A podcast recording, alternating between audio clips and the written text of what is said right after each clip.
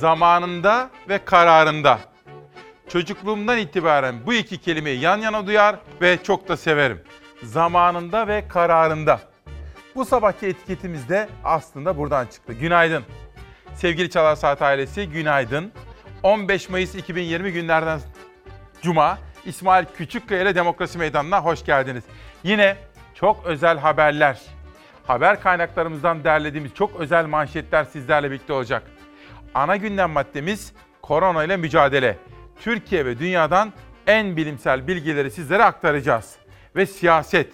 Bir konuğum var.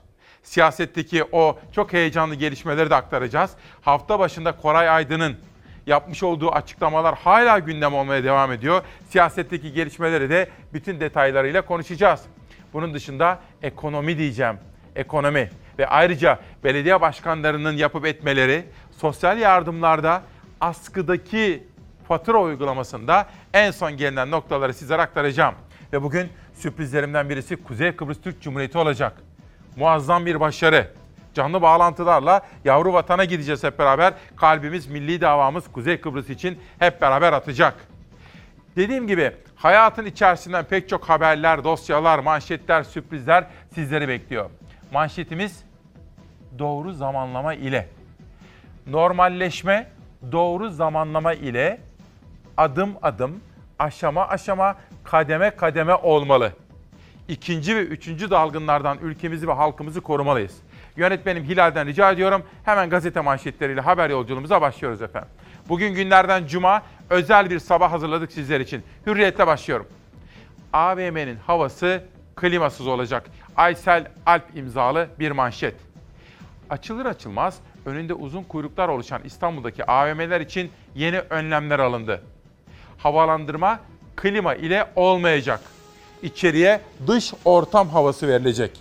AVM ve mağazalarda çalışanların yemekleri kumanya olarak dağıtılacak. Giriş ve çıkışlar tek yönden olacak. AVM'lerin bu önlemi alıp almadığı düzenli olarak denetlenecek.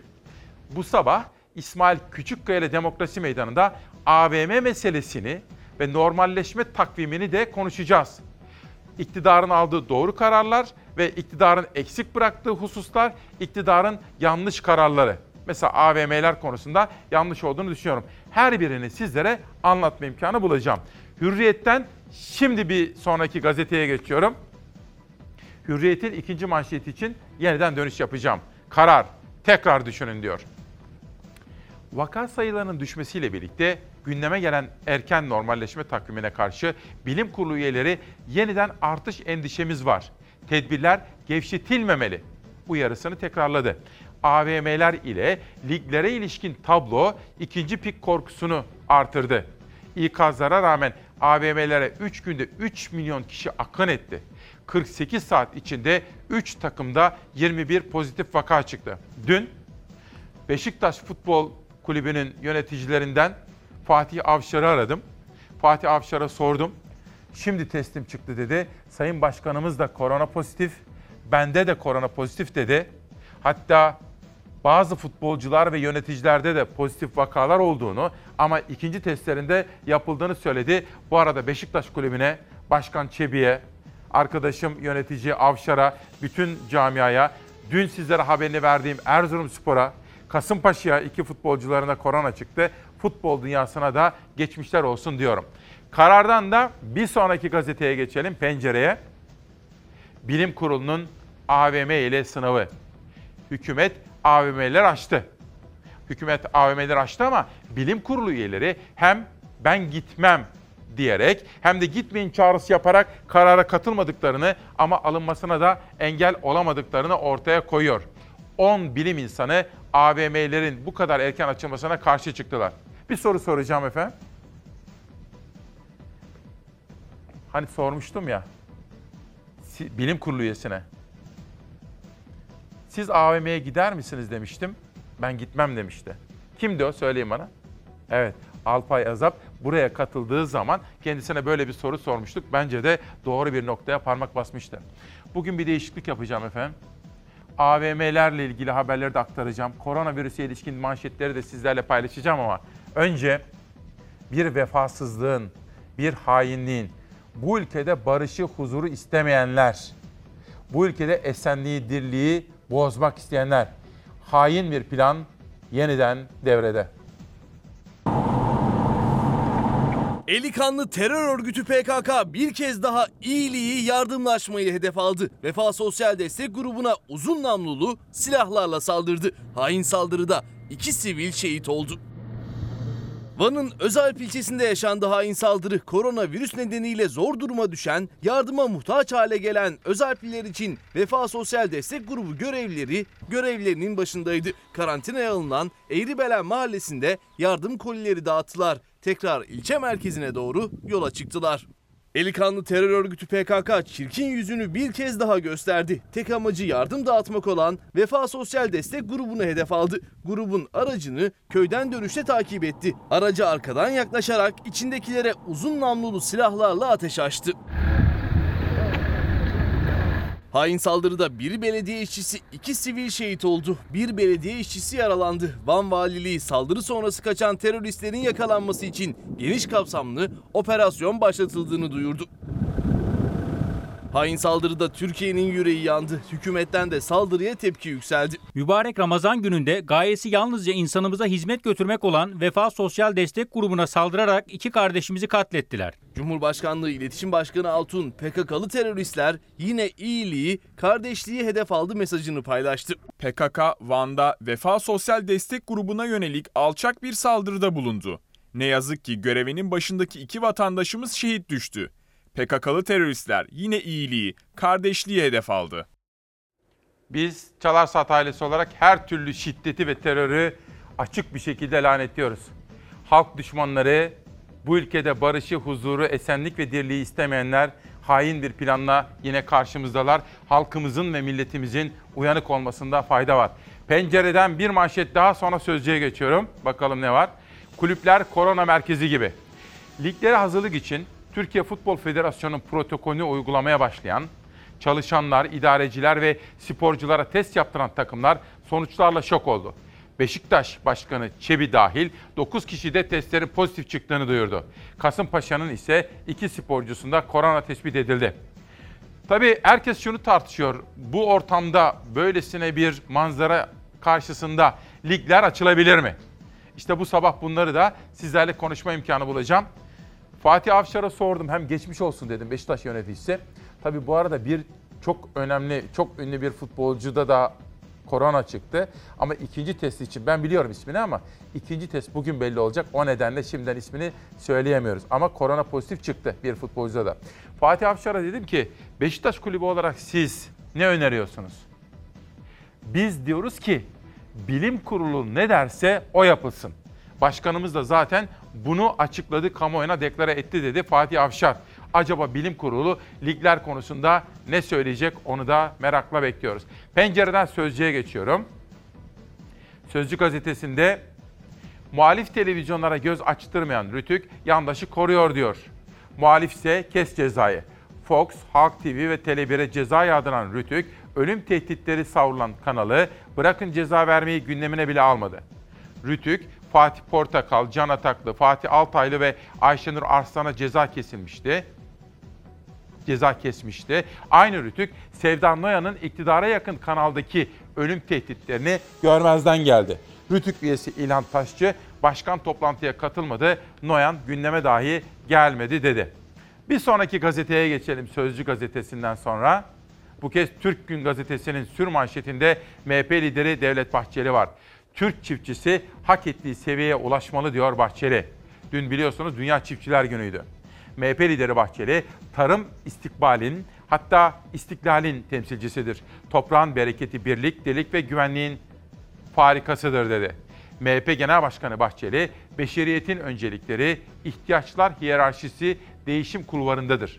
Her şeyden önce insan sağlığıyla birlikte gıda güvenliği önem piramidinin zirvesine tırmanmıştır diyerek çiftçinin yüceltilmesi gerektiğinin altını çizdi ve Türk çiftçisi hak ettiği seviyeye ulaşmalı dedi. Türk günden sonra bakalım hangi gazete geliyor? Bir sonraki manşet Cumhuriyet. O neymiş? AKP'nin çoklu baro çalışmasına bakanlık ve barolardan itiraz var. FETÖ projesi meclis yolunda. Erdoğan'ın talimatıyla AKP'nin hukukçu kurmayları illerde birden çok baro kurulması için çalışma başlattı.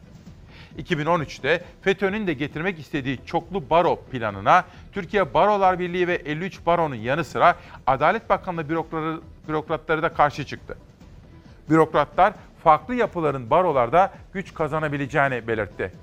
Türkiye Barolar Birliği yönetimi sorunun tüm toplumu ilgilendirdiğini belirtirken Başkan Metin Feyzioğlu çoklu baroyu tüm barolarımız ve biz çok sakıncalı görüyoruz dedi.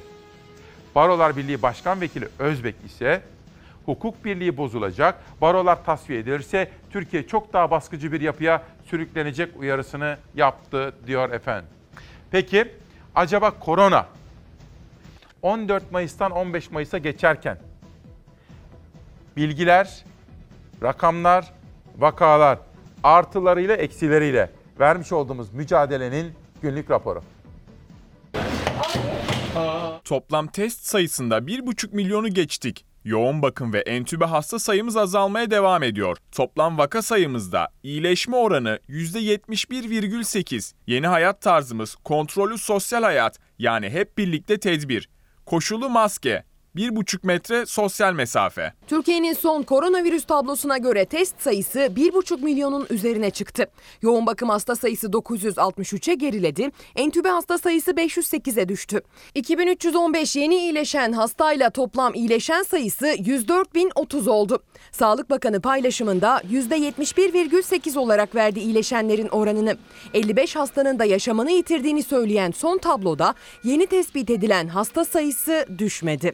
Şu an Türkiye'nin R0 değerini şu an için 1.56 olduğunu söyleyebilirim. R0 değeri bir kişinin virüsü kaç kişiye bulaştırdığını gösteriyor. Ben o 1.56 değerinden şüpheliyim. Yani 1.56 hesaplıyor iseniz her hafta 1.5 katı artıyor olması lazım. Vaka sayıları azalıyor gördüğünüz kadarıyla. Türkiye'de hastalığın yayılma katsayısını 1,56 olarak açıkladı Sağlık Bakanı. Yani bir kişi 1,56 kişiye bulaştırıyor ortalama. Enfeksiyon Hastalıkları Derneği Başkanı Profesör Doktor Mehmet Ceyhan'a göre son günlerde açıklanan yeni vaka sayılarına bakılırsa bu oran hatalı ya da tespit edilemeyen çokça vaka var. Bir kişi 1.56 kişiye bulaştırıyor ise gerçekten 10 kişi bir hafta sonra 15 kişiye çıkar. Eğer bu sizin vaka tespit ettiğiniz vakaya e, yansımıyor ise siz bazı hastaları giderek artan sayıda hastayı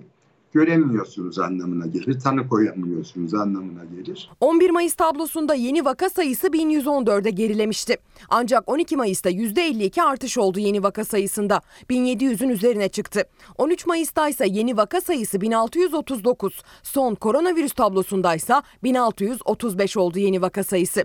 11 Mayıs'a kadar sürdü düşüş trendi. Sonrasındaki 4 gün boyunca müjde veremedi sayılar. Türkiye normalleşme adımlarını atarken kısıtlamalarda esnetme kararı alırken bu artış kaygılandırdı. Bilim insanları diyorlar ki R0 sayısı birin altına inmedikçe normalleşme tartışılmamalıdır. R0 değeri hastalığın bulaşma katsayısı. R0 değerinin birin altında olması COVID-19 virüsü taşıyan bir kişinin hastalığı bir kişiye bulaştırma riskinin bile düşük olduğu anlamına geliyor. Enfeksiyon hastalıkları ve mikrobiyoloji uzmanı Profesör Doktor Gaye Usluer de normalleşme ancak bu şartlarda sağlanır diyor. Ama Türkiye'deki R0 değeri 1,56. Sağlık Bakanı açıkladı. R0 değeri İstanbul'da bir bölgede 16'ya kadar çıktığını biliyoruz. İl bazında baktığımızda 4,5-5'leri gördüğümüz dönemler oldu. Şu an Türkiye'nin R0 değerini şu an için 1.56 olduğunu söyleyebilirim. Bir kişi COVID-19'la enfekte olduğunda 1.56'dan başlayarak üssel çoğalma ile başka kişilere enfeksiyonu bulaştırıyor. Bu bize neyi gösteriyor? Normalleşme sürecine girmek için erken bir dönemdeyiz. Normalleşme için erken uyarısının gölgesinde Profesör Doktor Mehmet Ceyhan'a göre bakanın açıkladığı 1,56'lık oran hatalı. Çünkü son 2 günlük artışa rağmen Türkiye'deki yeni hasta sayısı günlük 5000'lerden binli rakamlara indi. Bulaşma kat sayısı 1,56 olsaydı günlük hasta sayısı 1,5 kat fazlalaşmalıydı diyor Mehmet Ceyhan. Vaka sayıları azalıyor gördüğünüz kadarıyla. O zaman birin altında olması lazım. Birin üstündeyken vaka sayısı azalıyor ise Vakalar artıyor ama biz yakalayamıyoruz anlamına gelir. Enfeksiyon Hastalıkları Derneği Başkanı'na göre bulaşma katsayısını gösteren R0 değeri Sağlık Bakanı'nın söylediği gibi ise Türkiye'de tespit edilemeyen hastalar var ve bunun nedeni de test sistemi. Değişmeli diyor Mehmet Ceyhan. Biz şu anda hasta yakalayıp etrafına filyasyon uygulamak, izole etmek politikası gidiyoruz. Politikamızı hastayı yakalamak değil, virüs taşıyanı yakalamak şeklinde değiştirmemiz lazım. Daha bulaştırma riski yüksek gruplara test yapmanız lazım. Sağlık personelidir, işte kasiyerlerdir, berberler, kuaförlerdir. En son bilgiler ışığında Ezgi Gözeger güncellediği efendim. Bana da böyle bir mesaj geldi ama önce Cerrahpaşa'daki mesajı okuyayım. Muhammed Bergam. Lütfen dikkate takip ediniz. Önemli. Cerrahpaşa'da gecesini gündüzüne katıp mevcut salgında Covid yoğun bakımda çalışan bizlere Covid performansı olarak 20 lira yatırılmış. Korona ile mücadele kapsamında mücadele edenler.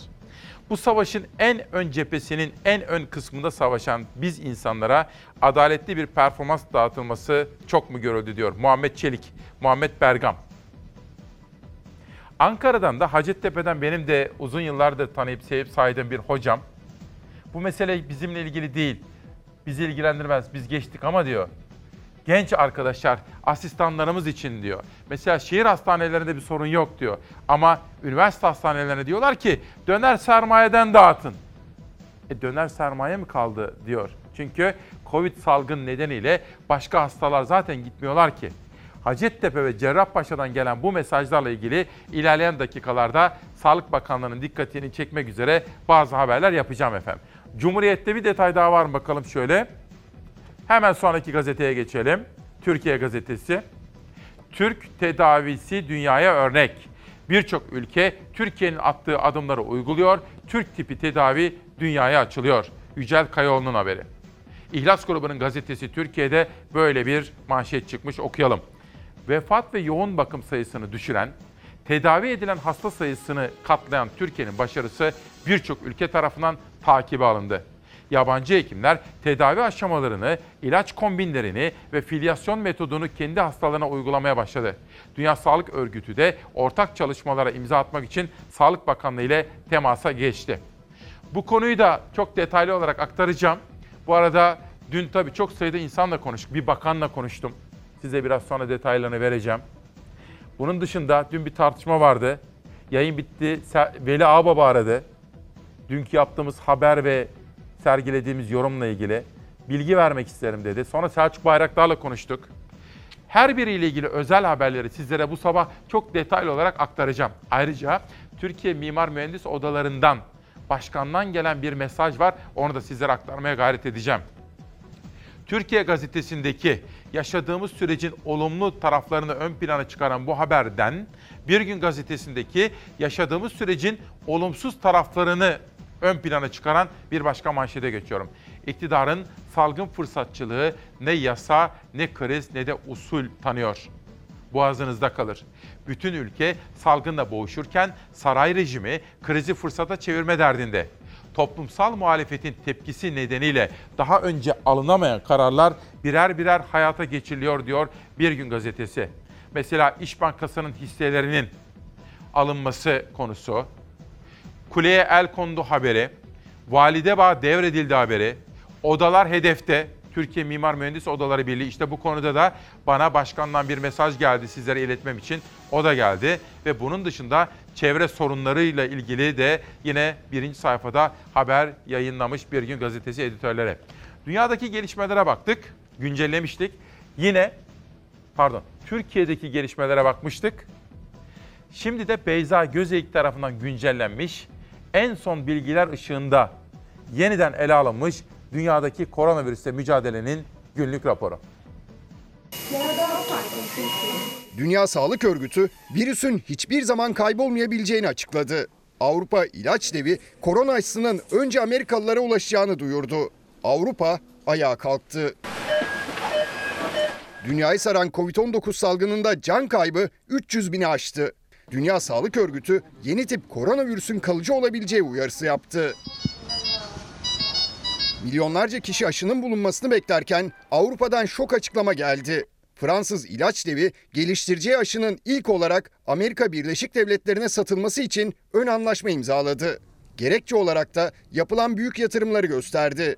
Avrupa'dan tepki yağınca firma yumuşadı. Aşı hazır olduğunda tüm ülkelerde kullanılmasını sağlayacaklarını duyurdu. Tedbirleri gevşeten Avrupa'da can kayıpları sürüyor. Salgının yavaşladığı İtalya'da bir ay içinde Covid-19 bağlantılı olduğu sanılan çocuk hastalığı vakaları 30 kat arttı. İngiltere'de de 100 çocuk hastalığa yakalandı. Covid-19'un çıktığı Wuhan'da 10 gün içinde 11 milyon nüfusa test yapma çalışmaları başladı. Japonya ise virüsün nasıl yayıldığına dair bir deneyin görüntülerini paylaştı. Restorandaki bir kişiye enfekte olduğunu gösteren boya sürüldü. Boya 30 dakika içinde 9 kişiye daha yayıldı.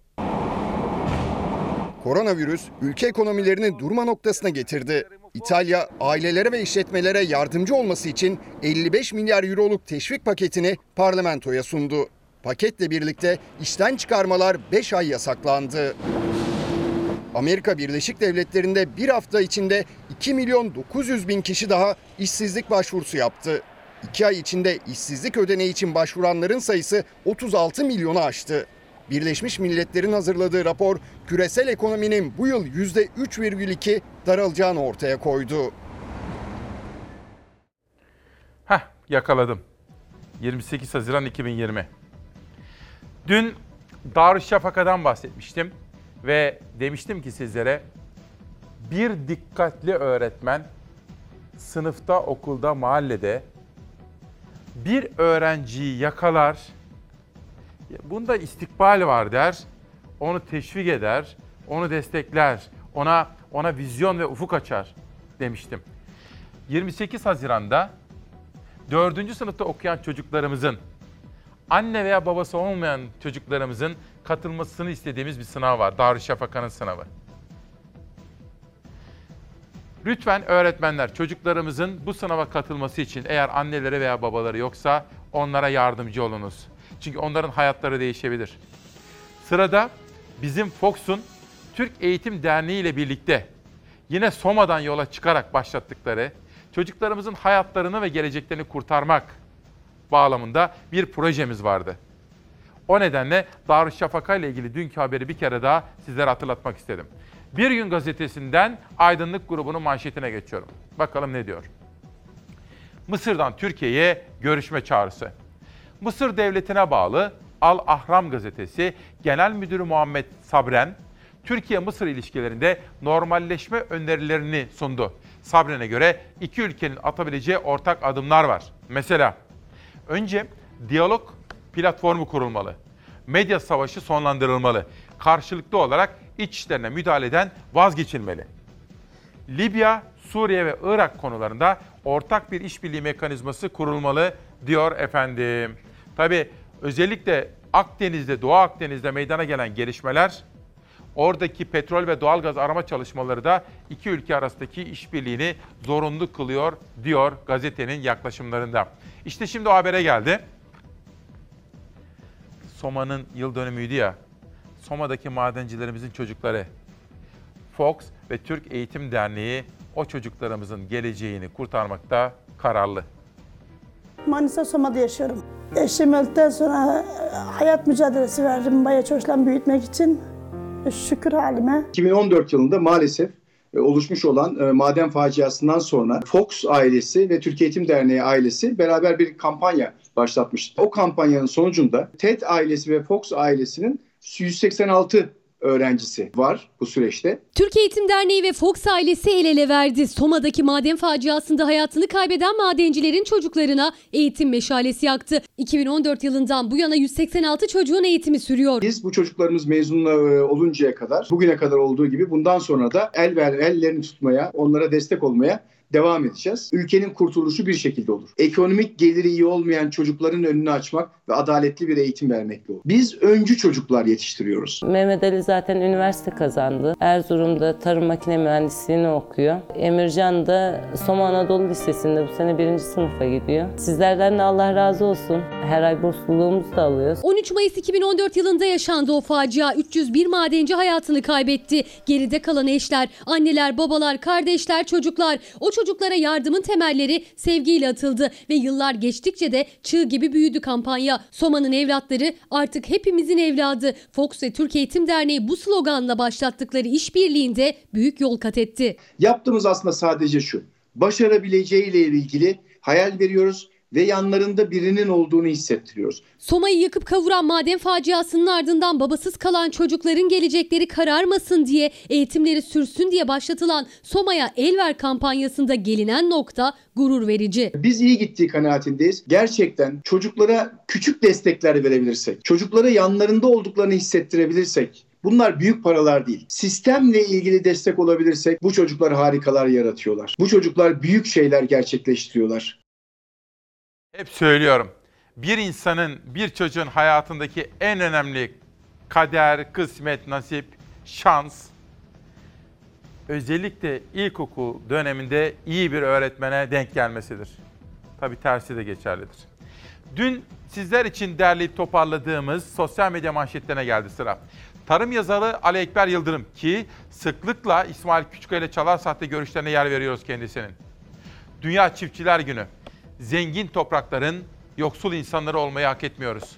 Karamsar değil, umutluyuz. Umudumuz tarımsal zenginliğimiz ve çiftçilerimiz. Tüm zorluklara, engellere, ithalat baskısına rağmen üreten çiftçilerimizi bir gün değil her gün ayakta alkışlamalıyız diyor ve ülkemizin kurucu önderi Gazi Mustafa Kemal Atatürk'ü saygıyla anıyoruz.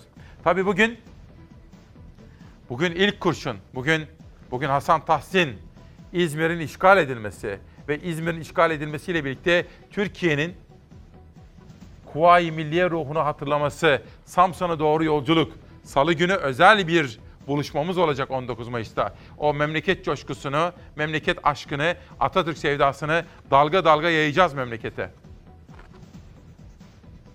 Bahattin Yücel, sevgili muhalefet, AKP politika üretemiyor. Gerginlikle sindirme dışında yol kalmadığını fark ediyorlar. Darbe söylentileri yetmedi. Gündeme yeniden İş Bankası geldi. Ne olur bu kez de AKP'ye benzeyerek iktidar olacağınızı sanmaktan vazgeçin. Bugün siyaseti çok iyi bilen, uzun yıllardır benim siyaseti anlamak için başvurduğum kaynaklardan birisi. Onu davet ettim ve kendisine işte bunu da soracağım. Gündem değiştirme ve halkın gerçek gündemini kim nasıl elinde tutuyor? Bütün bunları da konuşacağız bu sabah. BBC'nin üstte bir haber gördüm. İngiliz polisi virüs kaptığına inanılan bir kişiyi test yaptırmak için alıkoyabilir. Zaruri görülmeyen ürünler satan mağazaları kapatabilir İngiliz polisi. Ve yine İngiliz polisi bireyin etrafta dolanma hakkını veya toplanma hakkını kısıtlayabilir ve para cezası kesebilir. Bütün bunlar büyük krallıkta, Britanya İmparatorluğu'nda, İngiltere'de alınan önlemler, polisin yetkileri koronavirüs kapsamında. Bülent Mumay, yalnız hükümette kesinlikle bir ajanda yaratma sıkıntısı var. Malzeme gerektiğinde çekmeceyi karıştırıp karıştırıp aynı şeyleri kullanıyorlar. Hanım benim bir iş bankası malzemesi vardı gördün mü? Daha geçen gün kullanmıştım. Nereye bıraktıysan oraya bak diyor. Bir ironi, bir mizahi yolla eleştiri yapıyor Bülent Mumay. Kılıçdaroğlu baskın seçimde Gelecek Partisi ve Deva Partisi'ne grup kurması için destek verebiliriz. İşte bizim bugün siyasetteki yorumlarına güvendiğimiz konuğumuza soracağım sorulardan da birisi bu olacak efendim. Türk sihaları Libya'da Hafter'in araçlarını havaya uçurdu. Ben bunu Selçuk Bayraktar'ın o çalışmalarını yaptığı fabrikada 7 saat boyunca kendisinden dinlemiş birisi olarak dün bir takım yorumlar yapmıştım. O yorumlardan sonra hem Veli Ağbaba aradı hem de Selçuk Bayraktar aradı. Ben de kendileriyle memleket meselesi olarak gördüm bu hususu konuştum. Sizlere buradan da yine manşetler aktaracağım efendim. Çünkü bu İHA ve SİHA konusu çok önem verdiğim projelerin başına geliyor. Erol Göka hocamız psikolojik bakımdan sağlam insan özgüvenlidir. Lakin özgüvenli insan gurur ve kibir abidesi değildir. Onun şişinmeci, büyüklenmeci, kişiliklerin balon yapmış egolarıyla hiç alakası yoktur. Kendine güvenen kimse başka insanlara da saygılı, barışıktır diyor. Bakın ne kadar da önemli. Bu arada efendim izin verirseniz biraz soluklanalım. editörüm ve danışmanımla konuşayım. Size bu özel sabahta manşetler, konuklar, özel dosyalar ve Çalar Saat haberleriyle sizi baş başa bırakacağım. İzin veriyor musunuz bana? Bir yere gitmeyiniz. Ben reklama gidiyorum. Hemen dönüyorum. Günaydın, günaydın Çalar Saat ailesini sevgiyle, saygıyla, muhabbet duygularıyla, duygularıyla selamlıyoruz efendim. 15 Mayıs 2020 günlerden Cuma İsmail Küçükkaya ile Demokrasi Meydanı'na hoş geldiniz. Koronavirüsle ilgili gelişmeler, en güncel bilimsel bilgiler ve tartışmalar ve siyasette benim ileriyi görmek için sıklıkla başvurduğum kaynaklarımdan birisini davet ettim. O da bu sabah demokrasi meydanına katılacak ve siyasetteki tartışmaları mesela bu HDP tartışmasını kendisiyle konuşacağım. HDP hangi ittifaka daha yakın acaba? Sırrı Süreyya Önder kime ne hizmetle hangi açıklamayı yaptı? İyi Partililer ne diyorlar? Kim neye hizmet ediyor? Her birini konuşma imkanı bulacağız efendim. Özel hazırlıklarım var. Ama bir dakika. Hilal pardon. Hani ben sizlere söylüyorum ya günaydın dedikten sonra. Her günün özel bir adı var. Her günün bir bir rengi var. Bir duygusu. Her günün bir canı var diyorum ya. Bugün yurdumuzun işgaliyle ilgili en önemli, en acı olaylardan birinin yıl dönümü. Bugün İzmir'in düşman işgali. Ve ilk kurşun Hasan Tahsin. Şimdi gelsin. Bakın. Ve ben bugün ekip arkadaşlarımdan rica ettim. İzmir'i unutmak mümkün değil. İzmir'in işgalini unutmak mümkün değil. Hasan Tahsin'in ilk kurşununu unutmak mümkün değil. Ve Anadolu'yu uyandırmak gerekir diyen Mustafa Kemal'in kendisini Atatürk yapacak, dağılmakta olan bir imparatorluktan bir cumhuriyet kuracak o muhteşem serüvenimiz hepimizin. Bu ülkede yaşayan her birimizin dedelerinin, ninelerinin katkı verdikleri o olağanüstü olay. Bugün ilk selamımızı izin verirseniz İzmir'e Kuvayi Milliye'ye vermek istiyorum. İlk kurşun için.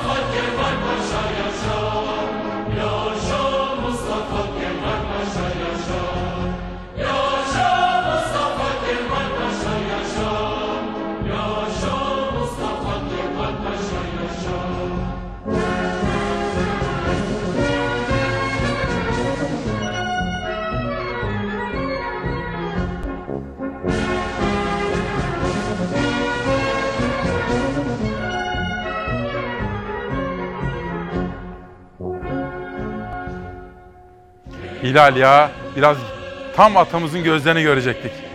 Bak seçilin bile içi gitti. Peki buradan görelim. Efendim 19 Mayıs'ta İsmail Küçükkaya Demokrasi Meydanı'nda özel bir yayın yapacağız. Hazırlıklarımızı şimdiden başlattık. Bu arada yeni çıkan kitaplardan biri de bugün elime geçti. Orhan Çekiç 1938'den sonsuza kadar son yılın hikayesi imzalamış, yazmış ve bana göndermiş. Orhan Çekiç 1938 son yıl. En acı yılın hikayesini yazmış. İkinci tur gazetelerle şöyle gündeme bir bakmak isterim. Doğru zamanlama ile. Dünya Gazetesi ekonomide yaşanan gelişmelerle ilgili böyle bir manşetle çıkmış bu sabah. Daralmanın ayak sesleri. Büyümenin öncü göstergeleri niteliğindeki arz ve talep verileri salgının ortaya çıktığı Mart ayında sert düştü ve grafiklerle de desteklemişler ve ekonomide yaşanan gelişmeleri salgınla ilgili olumsuz tabloyu da gözler önüne sermişler. Bir sonraki gazeteye geçelim dünyadan. Bu arada Sabah Cerrahpaşa'dan da bir asistan arkadaşımız yazmıştı. Ben de çok sevip saydığım Hacettepe Üniversitesi'nden bir hocamdan bir mesaj almıştım. Bizlerle ilgili değil mesele ama genç doktorlar ve asistanlar için önemli. Şehir hastanelerinde o ödemeler yapılıyor ama aslında asıl yükü çeken bu üniversiteler, tıp fakültelerinde sorunlar yaşanıyor demişti hocamız. Ödemelerle ilgili asistanlar özellikle döner sermaye mi kaldı diye de sormuştu. Dolayısıyla o asistanlarımızın, doktorlarımızın şevkini kırmamak için buradan da Sağlık Bakanlığı'na bu duyuruları yapmak istiyorum efendim. Milliyet, bu bayram bir sınav. Bilim kurulu üyeleri koronavirüsle mücadelede kontrollü sosyal hayat evresinde toplumda oluşan rehavete karşı önemli uyarıyor. Aykut Yılmaz hocalarla konuşmuş ve bayramlaşmamalıyız diyor bakın. Bilim Kurulu üyesi Profesör Doktor Mustafa Öztürk, koronavirüs bulaşma kat sayısının %0.6'ya kadar düştüğü ancak önlemlerin hafifletilmesiyle 1.18'e fırladığı Almanya'ya örnek gösterdi. Sayının birin üzerine çıkması virüsün yayılmaya devam etmesi demek. Birin altı azalmaya doğru gittiğini gösterir. Bir burada, bir eşik dedi. Öztürk Bayram'da evde kalınmasını istedi. Gazi Üniversitesi Hastanesi Başhekimi ve Bilim Kurulu üyesi Profesör Doktor Ahmet Demircan da normalleşme sürecinde herkesin daha dikkatli davranmasının şart olduğunu vurguladı. Bu bir açık çek. Bayram bir sınav dedi. Kurul üyesi Profesör Doktor Levent Yamanel ise bu sene bayramlaşma yapmamamız lazım ifadelerini kullandı diyor. Çapa Destan yazıyor. İstanbul Tıp Fakültesi Hastanesi %06 ile dünyada en düşük ölüm oranının gözlemlendiği kurum oldu. Dekan Profesör Tükek, ABD ve Avrupa'dan farklı uyguladığımız algoritmalarla korkulan olmadı. Yatan erişkin hasta sayımız 90, yoğun bakımdaki hasta sayımız ise 10'a düştü. Kritik hamlemiz Favipiravir etken maddeli ilacın erken dönemde kullanılması oldu dedi. Bu arada bizim bugün dünya çapında bir gururumuz var efendim. Kuzey Kıbrıs'ın buradaki sergilemiş olduğu olağanüstü başarı. Bugün Hıncal Uluç yazmış. Ben de arkadaşlarımdan rica ettim. Zafer Söken bir dosya hazırladı. Ayrıca Kuzey Kıbrıs'tan bir bağlantımız olacak bu konuda. Anlatacağız. Çok önemli bir manşet olacak. Milliyetten bir sonraki gazeteye geçelim. Evrensel. İşçileri duymadılar, patrona teşvik istediler. Üretim baskısı can alırken ücretli izin başta olmak üzere işçilerin taleplerine kulak tıkayan Türk İş ve Hak İş, Patron Konfederasyonu TİSK ile ortak açıklama yaparak patronlara teşvik istedi diyor. Bugün yapmış olduğu gazetede birinci sayfada böyle bir manşet.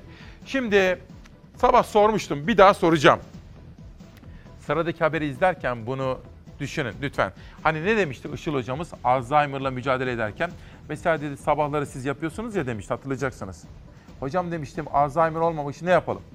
Hani siz sabahları konuşuyorsunuz ya bizlerle. Zihin egzersizi yapıyorsunuz ya sorular, günlük meşgaleler. Bunları devam ettirmemiz lazım demişti. O nedenle ben bir kere daha soruyorum. İsmail Küçükkaya ile Demokrasi Meydanı'na katılan ve hocam siz AVM'ye gider misiniz diye sorduğum soruya ben gitmem diyen bilim kurulu üyesi hocamızın adı neydi? Virüsten korunmamızı sağlayacak kuralları askıya alarak alışveriş kuyruğuna girmek risktir. AVM'lerin taşıyabileceği risklerden bahsediyoruz. Ve ilk gün açıldığı zaman 1 milyon 400 bin kişi buraya gidiyor. Siz de ben de istifa edelim. Bu programlara artık çıkmayalım. Sağlık Bakanı da doktorlar da alışveriş merkezlerindeki yoğunluğa dikkat çekti. AVM kapılarındaki kuyruğun ikinci dalgayı tetikleyebileceğine. Bazı şeyler normalleşmeler için yani hayatın devamı için bazı yerler açılmışken bunlara amaçsızca, tedbirsizce yüklenmenin gidip oraları bir dolaşmanın anlamı yok. Yani e, AVM önündeki kuyruk akıl alır gibi değil. Alışveriş merkezleri 11 Mayıs'tan itibaren hizmet vermeye başlayabilecek. 11 Mayıs itibariyle kapılarını yeniden açtı alışveriş merkezleri ve ilk günden itibaren vatandaşların yoğun ilgisi dikkat çekti. 24 saatte 1 milyondan fazla kişi AVM'lere gitti. Pandemi öncesinde günlük 6 milyon 500 bin ziyaretçi kabul ederken şu anda pandemi sonrası ilk açılışta 1 milyon 200 bin civarında e, ziyaretçi kabul ettik. İstanbul'un nüfusuna göre her 100 kişiden 1,5 kişi bu virüsü taşıyor. 1000 kişinin olduğu bir AVM'ye ya da giderseniz Orada işte 15 tane bu virüsü taşıyan insan var anlamına gelir. Maskelerini düzgün takmıyorsa, siz maske taksanız bile o maske size ancak %30 korur. Profesör Doktor Mehmet Ceyhan alışveriş merkezlerindeki virüs yayılma riskini rakamlarla açıkladı. Alışveriş merkezine gidenlere test yapılmasını önerdi. Alışveriş merkezine gitmeyi bir risk faktörü kabul edip bu kişilerin en ufak bir tek bir, e, bir belirtisinde bile bu kişilere test yapmaya karar verilebilir. AVM'ye gitmiş. Neye rağmen sinema yok, yiyecek yer yok, dükkanların çoğu kapalı. Niye gittiler oraya? Yani ben inanın anlayamıyorum ve yani bazen acaba biz boşuna mı konuşuyoruz diye tereddüte de düşüyorum hakikaten. Profesör Doktor Necmettin Ünal AVM'lere zorunlu olmadıkça gidilmemesi gerektiğini söyledi. Bilim Kurulu üyesi Ahmet Demircan da riskin altını kalın kalın çizdi. Varsa bir ihtiyacımız illa oradaysa bunu planlayıp gidip nokta at- atış olarak o mağazaya girip alıp çıkmaktır bunun doğrusu. Kurallara tam anlamıyla uyalım ki buralar geri dönüş olmasın. Tuğba, Neşe, Nesli, Seçil, Hilal, bizim rejideki bütün kızlarımız evet Tuncay Azap'tı dedi. Bütün herkesten mesajlar geliyor. Zeyno Bora da öyle demiş. Zeyno Bora da. Evet Alpay Azap. Profesör Doktor Alpay Azap bilim kurulu üyemizdi biliyorsunuz. İsmail Küçüköy'le Demokrasi Meydanı'na katılmıştı. Bu arada hocamız diyor ki bütün arkadaşlarımız adına teşekkür ediyorum.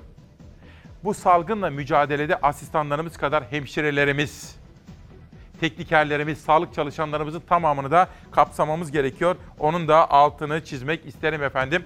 Bu döner sermaye, üniversitelerde artık döner sermaye mi kaldı? Kimse hastanelere gitmiyor. Dolayısıyla şehir hastanelerine gösterildiği gibi buralara da özen gösterilmesi, çünkü Türkiye'nin aslında bu salgınla mücadelesinde bizim köklü kurumlarımız, bizim fedakar sağlık çalışanlarımız bunu bize sağladılar değil mi? Onlara ne kadar teşekkür etsek. Hacettepe, Ankara Tıp, ne bileyim Ege, işte Cerrahpaşa, Çapa, o köklü gelenek bunlar hepsi. Bir ekol her biri. Dolayısıyla şehir hastanesinde çalışan doktorlarımız ve sağlık çalışanlarımız, asistanlar, hemşireler için sağlanan imkanların ödemelerinin de bu tıp fakültelerinde çalışan sağlık çalışanları, teknikerler, asistanlar, hemşireler için de verilmesi gerekir.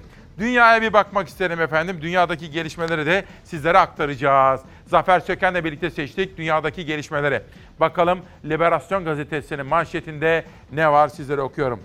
Ve aslında onlara sadece bir alkış değil, birer madalya da değil. Madalyadan çok daha fazlası. Onlar kimler? Onlar bakıcılar. Onlar temizlik görevlileri, çöplerimizi toplayanlar, onlar kasiyerler, onlar teslimatçılar yani onlar kargocular. Ve işte aslında onlara ne kadar müteşekkir olduğumuzu anlatan çok önemli bir manşet Liberasyon'dan. Guardian gazetesine geçiyorum. Burada şu haberi çok önemsedik. Bakınız. Dünyanın bütün ülkelerinde okulları açalım mı, açmayalım mı, çok erken değil mi gibi tartışmalar yapılıyor. Ve İngiltere'de de öğretmenlerin sendikası diyormuş ki öğretmenler bu şartlar altında okula gitmeyi kabul etmeyebilirler. Bunu reddedebilirler diyor efendim. Bu da önemli. Sayfadaki fotoğrafa bir dikkatle lütfen bakınız. Lütfen onları alkışlamayı sürdürelim. Sağlık çalışanları, evde bakım çalışanları onlara onlara ilişkin duyduğumuz müteşekkir olma hissini yansıtalım diyor The Guardian gazetesi. Independent'a geçiyorum. Independent gazetesinde de yine dünyanın dört bir tarafında sosyal dayanışma. Bakın bir toplum nasıl gerçek bir toplum haline gelebilir? Artık birbirini desteklemesi gereken sadece zenginlerle fakirler değil. Sadece zenginler fakirler yardım edecek değil. Gönüllülük hareketini artırmamız gerekiyor. Bu fotoğraf Macaristan'dan gönüllüler yardım kampanyalarını, komşularını da düşünerek geliştiriyorlar efendim. Financial Times gazetesine geçiyorum. Okulların açılmasına ilişkin bir haber dikkatlerimizi çekiyor Financial Times gazetesinde. Burada gördüğünüz fotoğraf Paris'teki bir Alman okulunda çekilmiş. Almanya'da zaten okulları açmaya gayret ediyor. Sosyal mesafe kurallarına da, hijyen kurallarına da dikkat ederek çocuklarımızı olası risklerden nasıl koruyabiliriz? Manşette bu haber dikkatimizi çekti. Almanya'ya geçiyorum. Der Tage Spiegel gazetesi yine okullarla ilgili haberler her zamanki gibi burada detaylı var. Sayfanın ortasındaki fotoğrafa lütfen bir bakınız. İnsanlardan oluşturulmuş bir harita bu. Bu harita Almanya'nın haritası ve nasıl yapıyoruz? Eyalet eyalet Almanya'nın koronavirüsle mücadelesinin günlük raporunu çıkartmış Der Tagesspiegel gazetesinin editörleri. Almanya'dan İspanya'ya, Der Tagesspiegel'den El Mundo gazetesine geçiyorum ve burada sayfanın ortasındaki fotoğraflara dikkatinizi çekmek istiyorum.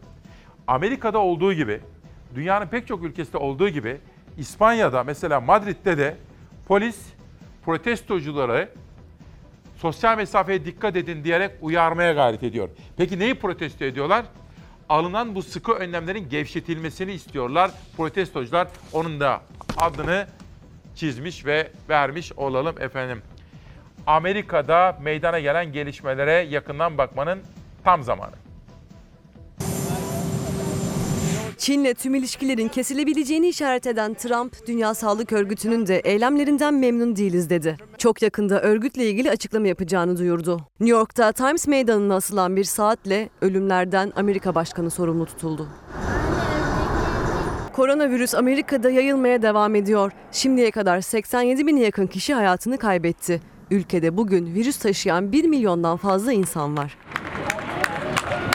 Trump salgından Çin'i sorumlu tutmaya devam ediyor. İlk başlarda virüs üretmekle itham ettiği Çin'i bugün dünyaya yaymakla suçluyor. Katıldığı bir programda zamanında Çin'le ilişkimizi kesseydik 500 milyar dolar kar ederdik diyen Amerika Başkanı tüm ürünlerimizi Amerika'da üretmeliyiz dedi. Çin'le ticari ilişkilerin kopabileceği sinyalini verdi. Amerika'da işsizlik her geçen gün büyüyor. İşsizlik yardımına başvuranların sayısı 36 milyonu aştı. Temsilciler Meclisi'nin sunduğu 3 trilyon dolarlık teşvik paketini Cumhuriyetçiler yüksek buldu. Yapılan 1 trilyonluk desteğin etkilerini görmek için biraz beklemeliyiz açıklaması yapıldı. Temsilciler Meclisi Başkanı Nancy Pelosi derinleşen yoksulluk beklemeye gelmez dedi. Hunger doesn't take a pause. Not having a job doesn't take a pause. The hardship of it all, losing a loved one or having someone fam- in your sick Virüsün karmaşık yapısı konusunda uyaran bilim insanları aşı bulmak kolay olmayacak diyor. Tek tek eyaletleri gezen Başkan Trump, Pensilvanya'ya gitmeden basın mensuplarının sorularını yanıtladı. Covid-19 aşısının bu yıl sonu hazır olacağını söyledi. Dünya Sağlık Örgütü hakkında kısa bir süre sonra açıklama yapacağını ifade eden Trump, Dünya Ticaret Örgütü'nü de Çin'in tarafını tutmakla suçladı. Dünya Sağlık Örgütü ile ilgili en kısa sürede bir açıklama yapacağız. Dünya Ticaret Örgütü'nün de onlardan kalır yanı yok. Bize çok kötü muamele yapıldı. Çin'e üretici deviymiş gibi davranıldı. Salgının en ağır darbe vurduğu New York'ta Trump ölümlerden sorumlu tutuldu. Sinema yapımcısı Eugene Yareski Times Meydanı'na ölümleri sayan bir pano astı. Adına Trump ölüm saati dedi. Amerika'nın başı çok ciddi dertte bu konuda efendim. Bu arada Onur diyor ki abilikler başlar mı diyor. Bilmiyorum çok zor gözüküyor. Dün Fatih Afşar'ı aradım Beşiktaş Kulübü yöneticisi ve nasıl durum dedim. Bende de korona çıktı dedi. Başkanda da korona çıktı dedi. Bildiğim bir futbolcu var ama bunu televizyonda henüz söyleme ikinci testi de bir bitsin dedi. Nasıl olacak? Kasımpaşa'dan iki futbolcuda korona çıktı. Dün sizlere verdik Erzurumspor'un durumu. İddia ediyorum bütün spor kulüpleri yapsın testleri her kulüpte çıkacaktır. Çok zor gözüküyor. Bu arada Aybüke bir dakika bekler misin? Gitmezsen sevinirim. Benim bir kız kardeşim hemşire biliyorsunuz o Serpil. Ve bir kız kardeşim de ortaokulda yatılı okudu, maliyede okudu. Sonra Gazi Üniversitesi'nde maliye bölümünü bitirdi. O vermiş de bakın benim telefonumu. Kemal Erol, Maliye Okulu mezunları Semra Küçükkaya ile Samettin Oğuz'un önerisiyle size iletiyoruz diyor. Bunu söyleyen Profesör Doktor Kemal Erol. Hani her gün kitap tanıtıyorum ya. Bu kitaplar benim okuduğum kitaplar değil. Sizlerden gelen kitaplar. İşte bu da Soma Hükümet Tabibi. Kemal Erol'la ilgili bir kitap gelmiş böyle. O da imzalanarak bana göndermiş. Kendilerine çok teşekkür ediyorum efendim. Halbuki bir gelebilir misin rica etsem? Şimdi tabii ekip sayımız tabii ki doğal olarak azaldı. Ve devir, hayat müşterektir ve devir dayanışma devri ya. Aybüke de bana yardımcı oluyor. Aybüke şurada bir mikrofon var. Ben elimi değirmedim. Heh, tertemiz onu sen alırsan. Şu mektuplarda bugün ne var bize mesaj? Önce bir tane bu önceliği buna vermek istedim. Gülay Demirel diye bir hanımefendi. Abisi daha yeni cezaevinden çıkmış ve maddi olarak sıkıntılar yaşıyorlarmış. Bunu dile getirdi. Abisi cezaevinden çıkmış, Evet. maddi sorunlar yaşıyor ve ben bana bunu anlatmak Evet istemiş. hatta e, adamın 3 tane de çocuğu varmış. Peki Bunu çok zor bir söyledi. durum. Demek Evet. ki biz cezaevinden çıkarmak önemli değil ama onları sosyal hayata katabildik mi? İşte bu Temel mesele soru. bu. Peki. Bir de e, Cerrahpaşa Tıp Fakültesi 1968 mezunlarından sana bir mektup var. Çok İsmail değerli Bey. insanlarımız. E, koronavirüs yüzünden vefat eden sağlık çalışanlarının bir listesini yollamışlar sana. 34 kişiler. Bir Peki. de ben onu ilgili- onu onu alacağım ve çalışacağım. bir de bununla ilgili bir anıt yapmayı düşünüyorlarmış. Bu da güzel bir proje. Evet. Çok teşekkür ediyorum. Ne demek. Annene selam söyle. Söylerim. Peki. Ha kız kardeşin doğum günü kutladık duydu mu? Evet. Tamam. Çok mutlu oldu. Bir daha bir daha her gün Peki. teşekkür ediyorum Ailenizle sana. birlikte mutluluklar diliyorum. İnşallah. Sağlıklı günler diliyorum. Teşekkür kardeşime ederim. çok teşekkür ediyorum. Onun mesaisi bitti. Onu uğurlarken İzmir'den başlıyoruz. Bakın sizlere demiştim ki ilk kurşun İzmir 9 Eylül gazetesiyle başladım. Hepimiz Hasan Tahsin'iz. Şadan Gökovalı'nın da Atilla Köprülüoğlu'nun da yazıları var. 15 Mayıs 1919 yazmış Şadan Gökovalı ve Atilla Köprülüoğlu da Hasan Tahsin'e ağıt yazmış. 9 Eylül gazetesinin hemen yanındaki logoya lütfen dikkatle bakar mısınız efendim? Kameraman arkadaşlarım Mümin ve İsmail bana yardımcı oluyor. Bu arada yeri gelmişken bütün ekip arkadaşlarım söylüyorum ya. Doğan Şentürk yönetimindeki Fox Haber ve benim de danışmanım ayrıca Nihal Kemaloğlu'na da teşekkür edelim. İsimlerini unutmadan söylemek isterim. Bakın Hasan Tahsin logosu var 9 Eylül gazetesinde. İzmir'i ve Kuvayi Milliye ruhunu buradan sevgi ve saygıyla selamlıyoruz. Diyor ve İzmir'den Gaziantep'e geçiyorum. Gaziray Tüneli jet hızıyla bitti. Büyükşehir Belediyesi tarafından yürütülen Gaziray inşaat çalışmalarında önemli bir nokta daha tamamlandı. İpek yolu olarak bilinen D400 karayolu ile Gaziray hattının kesiştiği noktadaki tünel çalışması 45 gün gibi kısa bir sürede inşa edildi. Fatma Şahin'in de oradaki fotoğrafını görüyorsunuz. Sıklıkla da İsmail Küçükkaya Demokrasi Meydanı'na katılarak memleketinde yapmaya çalıştığı işleri anlatıyor kendisi biliyorsunuz. Başarılı bulduğumuzda bir belediye başkanıdır. Bu da zaten sır değil. Buradan hakimiyet diyorum. Hakimiyet kimindir? Başkan seçer borçlanma yetkisi almak için meclisi olağanüstü toplantıya çağırdı. Vatandaş için borçlanma oylaması. Mersin'deki bütün belediye meclis üyeleri yarın Mersin için bir sınavdalar. O sınavı da ben dikkatle takip edeceğim ve sonucunu pazartesi günü sizlere aktaracağım. Acaba Mersin'in ihtiyacı olan yatırımlar için zaten belediyeler borç batağında ama belediyelere bu imkanı verecekler mi? Çünkü bu sonuçta yeni seçilen bir belediye başkanı. Geçiyor Van sesine. Tekrar ediyorum bu konudaki gelişmeleri dikkatle takip edeceğim. Pazartesi günü de sizlere haberdar edeceğim. Mersin'deki Büyükşehir Meclis üyelerinin Mersin için bir sınavda olduğunu biliyorum. Mersin, gönlü Mersin'de olan birisi olarak söylüyorum. Van sesi. Şimdi sabah ilk haberimdi bu. Vefaya alçakça saldırı iki şehit. Özalt ilçesinde karantinaya alınan mahalleden dönen Vefa Sosyal Destek Grubu'nun içerisindeki bulunduğu araca düzenlenen silahlı saldırıda iki kişi şehit oldu. Biz Çalarsat ailesi olarak şiddetin her türlüsünü lanetliyoruz. Terörün her türlüsünü la- lanetliyoruz. Ve terör örgütü PKK'yı da lanetliyoruz efendim. Karanlık eller yeniden devrede ülkemizin birlik ve beraberliğini, barış ortamını, huzur ortamını bozmaya çalışanlar. Onları lanetliyoruz efendim. Ve Van'dan, doğudan gelelim Kütahya'ya. Kütahya Ekspres. Tehlike geçmedi. Pozitif vaka artışı devam ediyor. Dün sizlere Kütahya'nın komşularından Uşak'ın durumunu anlatmıştım. Uşak valisini aramıştım. O da İçişleri Bakanı'na gerekli bilgilendirmeleri yaptığını söylemişti. İçişleri Bakanımız Cumhurbaşkanımıza bilgi verecek demişti. Biz Uşak için özel bazı sıkı tedbirler alınmasını istiyoruz demişti. Bize yaptığı özel açıklamada Uşak valisi şimdi gözler Cumhurbaşkanı Erdoğan ile İçişleri Bakanı Soylu arasında yapılacak görüşmede. Kütahya'dan Anadolu'da Tercüman Gazetesi minibüsçüler zorda onlarcası işsiz kaldı. Koronavirüs tıpkı ticari taksiler gibi minibüsçülerin de işlerine ket vurdu. Çok sayıda şoför işsiz kaldı diyor. Gazete Boğaz, Çanakkale'deyim. Bugün de Savaş Yıldız'la birlikte seçtiğimiz yerel gazete manşetlerini Çanakkale ile bitiriyoruz. 1915 Çanakkale Köprüsü'nün ayaklarında 9 aylık çalışma tamamlanıyor. Zirveye çok az kaldı diyor gazete yaptığı çalışmada. Dün Ankara'dan bana ulaştılar ve yaşadıkları sorunları anlattılar. Geniş bir kitle. Bizler bu salgın döneminde çalışıyoruz dediler. Ama bizler ihmal edildik. Kimsiniz siz dedim. Mali müşavirler ve onların en üst düzey meslek birliği başkanı bakın hangi mesajı yolladı ve hangi mesajla ilgili ne istiyor? Şimdi haberimizden. Cumhurbaşkanımız bir açıklama yaptı. Mart, Nisan ve Mayıs KDV ve muhtasar beyannameleri işte 6'şar ay süreyle etki, ertelendi. Beyanname verilme tarihi 27 Temmuz'a, ödeme tarihleri de e, Ekim sonuna ertelendi.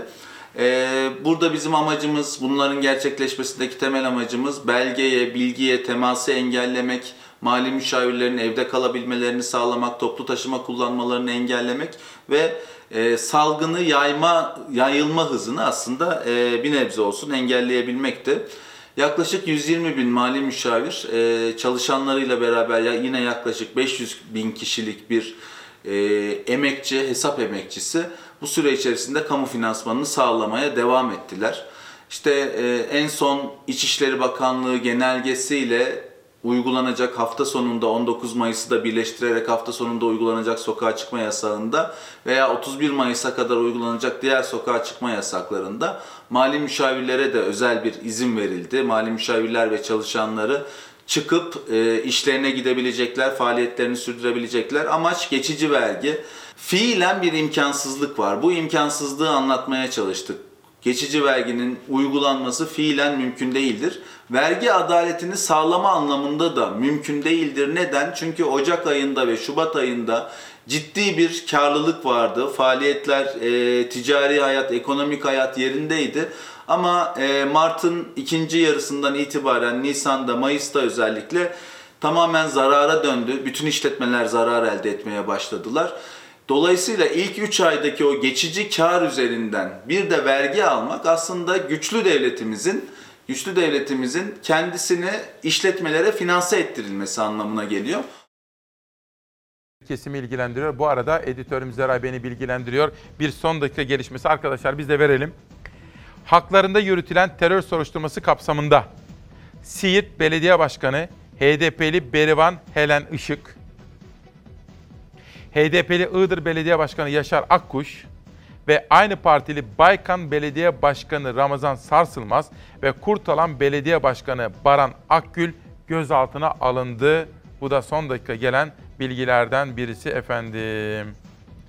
Bu da işte memleketten bir manzara. Biraz sonra siyaset dünyasında o gelişmeleri iyi takip eden bir kaynağım. Zaman zaman görüşlerine başvurup hocam ne oluyor diye sorduğum bir önemli isim. Kendisini davet ettim ve bizi kırmadı. Gelecek kendisiyle siyasetlik gelişmeleri ve HDP'yi de konuşacağım ama bir güzel haber vereyim de içiniz açılsın efendim. Bakın bizim bir meslektaşımız var Beliz. Beliz dünya evine girmişti ve şimdi de çocuğu da oldu bakınız. Allah bağışlasın bu sabah itibariyle çocuğu olmuş. Adı ne koymuş? Lara bebek. 4 kilo 55 santim olmuş. Lara bebek de Allah analı babalı büyütsün. Huzur ve barış içerisinde bu güzel ülkede yaşasın diyorum kendisine. Ve doğru zamanlama ile dedik bu sabah. Bir kere bak şöyle yapıyoruz bugün. Bir, bir hattımız var böyle yolculuk. Koronavirüste mücadele. Türkiye, dünya en sağlıklı bilgiler. Hükümetin yaptığı doğrular, eksik bıraktıkları ve hatalar. Mesela AVM. Bunları konuşuyoruz. İki, ekonomi. Biraz sonra iş kur önündeki kuyrukların Türkiye siyasetine nasıl yansıdığını soracağım konuğuma. Ekonomi, esnaf, işsiz. İşsizlik çok önemli bir sorun Türkiye'mizin günlük meselesi. 3. Dün konuşmuş olduğum Beşiktaş yönetici Fatih Avşar aldığımız bilgiler. Çok önemli futbolcular. Koronavirüs çıktı. Beşiktaş başkanı dahil. Geçmiş olsun diyoruz. Fatih Terim koronaya yakalanmıştı. Atlattı biliyorsunuz. Peki bu koşullarda lig oynanır mı? Buna bakacağız. 4. Dün Selçuk Bayraktar üzerinden yaşanan tartışmalara bir yorum getirmiştim. Yayından sonra Veli Ağbaba aradı. Size çok saygı duyuyorum, bilgi vermek istiyorum dedi. Sonra Selçuk Bayraktar aradı. Kendileriyle bu meseleyi konuştuk. Ama açık açık şunu söyleyeyim. İHA ve SİHA'nın ülkemiz için önemli bir proje olduğunu biliyorum. 7 saatlik bir sunum yapıldı, gözlerimle gördüm. Bunun memleket için ne anlama geldiğini burada aktaramadığım bazı videoları da izledim, biliyorum. Dolayısıyla bu konunun gazeteci mesafesi içerisinde benim açımdan nasıl göründüğünü her iki muhatabıma da net olarak anlattım efendim. Başkaca sürprizlerim de var. Onu da ilerleyen kuşaklarda göreceksiniz. Şimdi gelsin fotoğraflarla Türkiye'nin gündemi.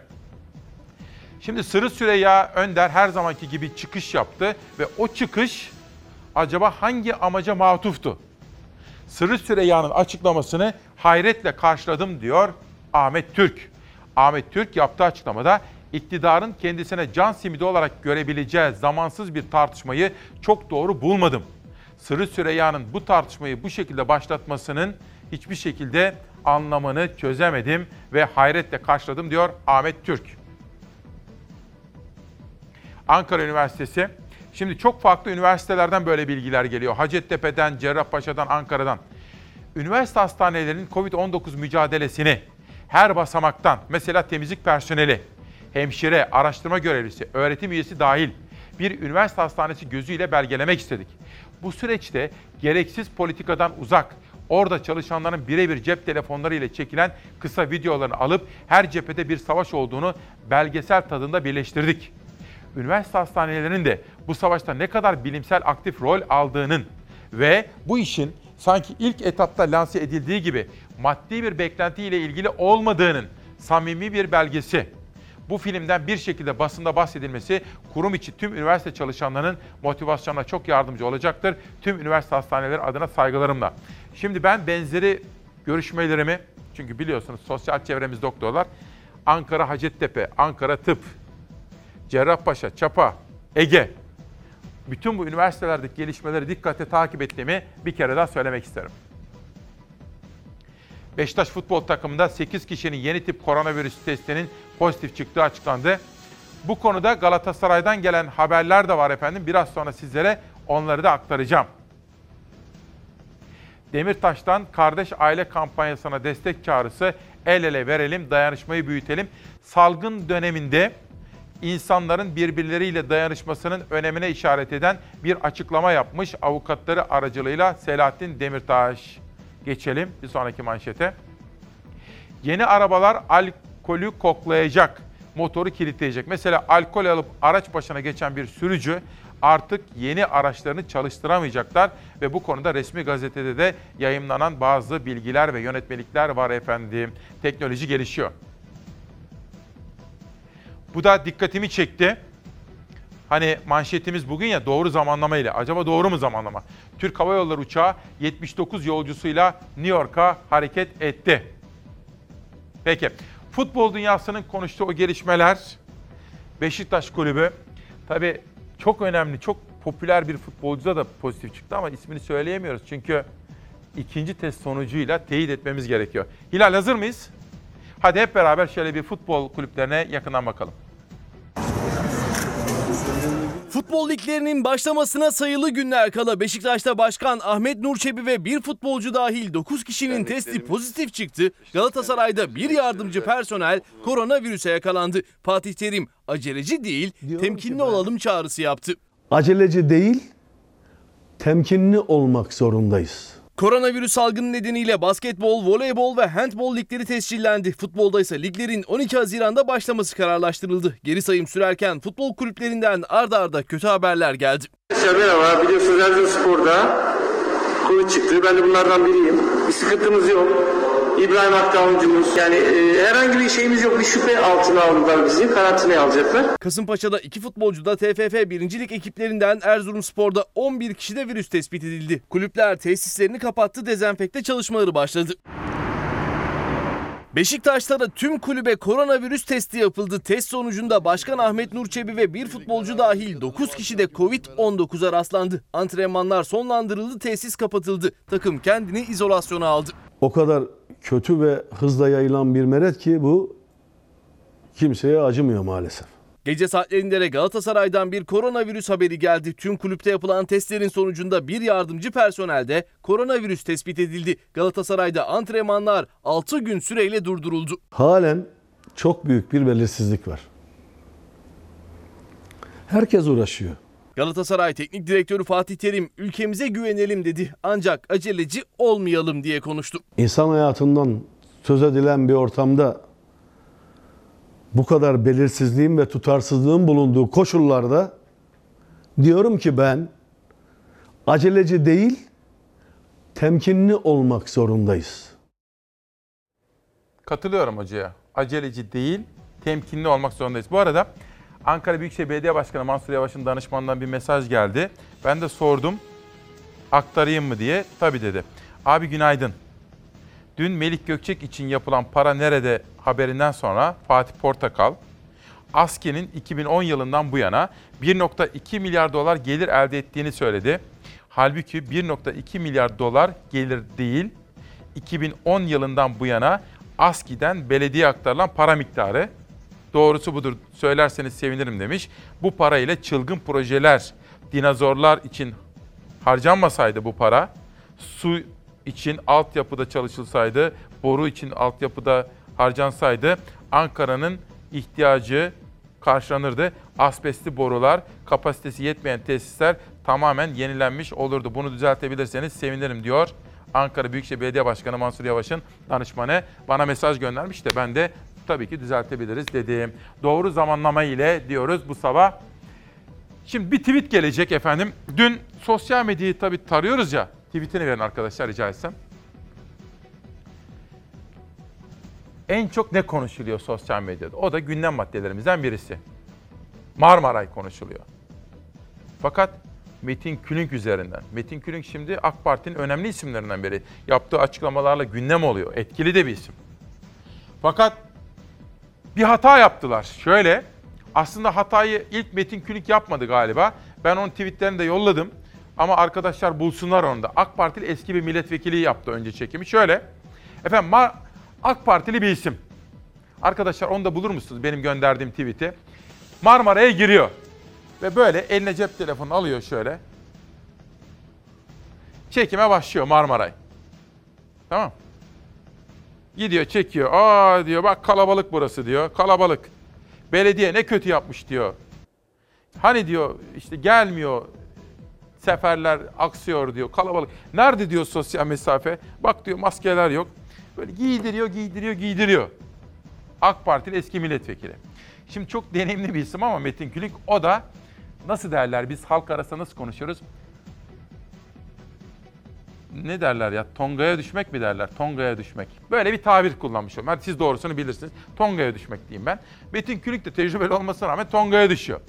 AK Partili bu eski milletvekilinin Marmaray'daki bu çektiği videoyu o da paylaşıyor ve giydiriyor. Bayağı giydirmek hani halk tabiriyle. Fakat unuttukları bir şey var. Marmaray İstanbul Belediyesi'ne ait değil. Cumhurbaşkanlığı hükümet sisteminde Ulaştırma Bakanlığı'na ve Türkiye Cumhuriyeti Devlet Demiryolları'na ait bir yer. Sonra ne yapacaklarını şaşırıyorlar. Evet arkadaşlar şu an görüyorsunuz Sirkeci Marmara İstasyonu'ndayız. Sosyal mesafe denen hiçbir şey yok. İstanbul Büyükşehir Belediyesi şu an çalışmıyor. Görmüş olduğunuz herkes şu anda risk altında. Resmen ölüme yolculuk gibi bir yolculuk var şu anda. Görüyorsunuz değil mi arkadaşlar?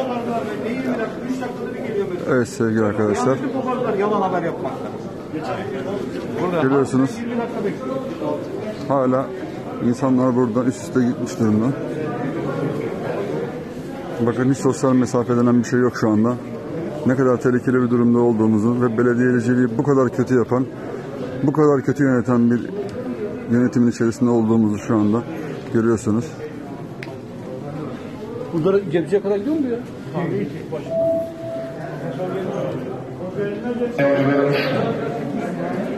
Yaklaşık bir buçuk dakikadır yürüyorum. İnsanları üst üste görüyorsunuz. Hala devam. Evet yaklaşık 20 dakikadır insanlar bu şekilde burada üst üste girmiş durumda. İnsanlara bakabilirsiniz. Çekin ya vallahi çekin ya. Sosyal mesafe diyorlar yayınlayın ya. Evet kesinlikle.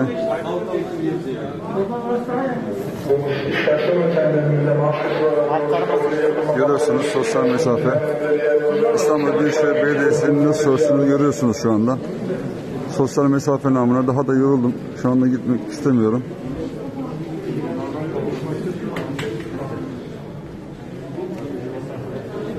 İşte İstanbul'un hali. Şimdi tabii ya ne bileyim ben hani Allah'ın sopası yok deriz ya zaman zaman Allah'ın sopası yok diye. Şimdi efendim tabii iyi niyetli hareket etmemiz gerekiyor. Her hareketimizde, her eylemimizde, her sözümüzde iyi niyetli hareket etmemiz gerekiyor. Ve şunu unutmamamız gerekiyor. Bu iktidar kimin? Söyler misiniz bana? İktidar kimin? Bizim değil mi hepimiz? Belediyeler kimin? O da bizim. Çünkü ülke bizim. Peki bu iktidar mesela bizim ya. E gidecek bir gün. Mazi olacak. Geçmişteki diğerleri nasıl oldu? Bu da değişecek. Belediyeler bak nasıl değişti. Bunlar da değişecek. Ama kalıcı olan kim? Ben. Yani halk. Bu ülke. Hizmet edecekler. Gayet gayemiz bu. İktidarların geçici, insanların fani olduğu bilinciyle bu ülkede taş üstüne taş koyacağız. Kötü niyetle hareket etmeyeceğiz. İktidarlar nasıl gelip geçici? Memleket kalıcı diyorum. Bizim her zaman hassasiyetle üzerinde durduğumuz konulardan bir tanesi Kuzey Kıbrıs Türk Cumhuriyeti. Çok seviyoruz. Adeta, adeta değil, gerçek bir milli davamız o. Bir haber özellikle hazırlattırdım. Zafer'e dedim ki Zafer bunu lütfen haber olarak yapalım. Kuzey Kıbrıs Türk Cumhuriyeti dünyada koronavirüsle mücadelede en başarılı karnelere sahip ülkelerden birisi haline geldi. Haberi izleyeceğiz. Sonra bunu nasıl yaptılar? Kuzey Kıbrıs'a gideceğiz hep beraber.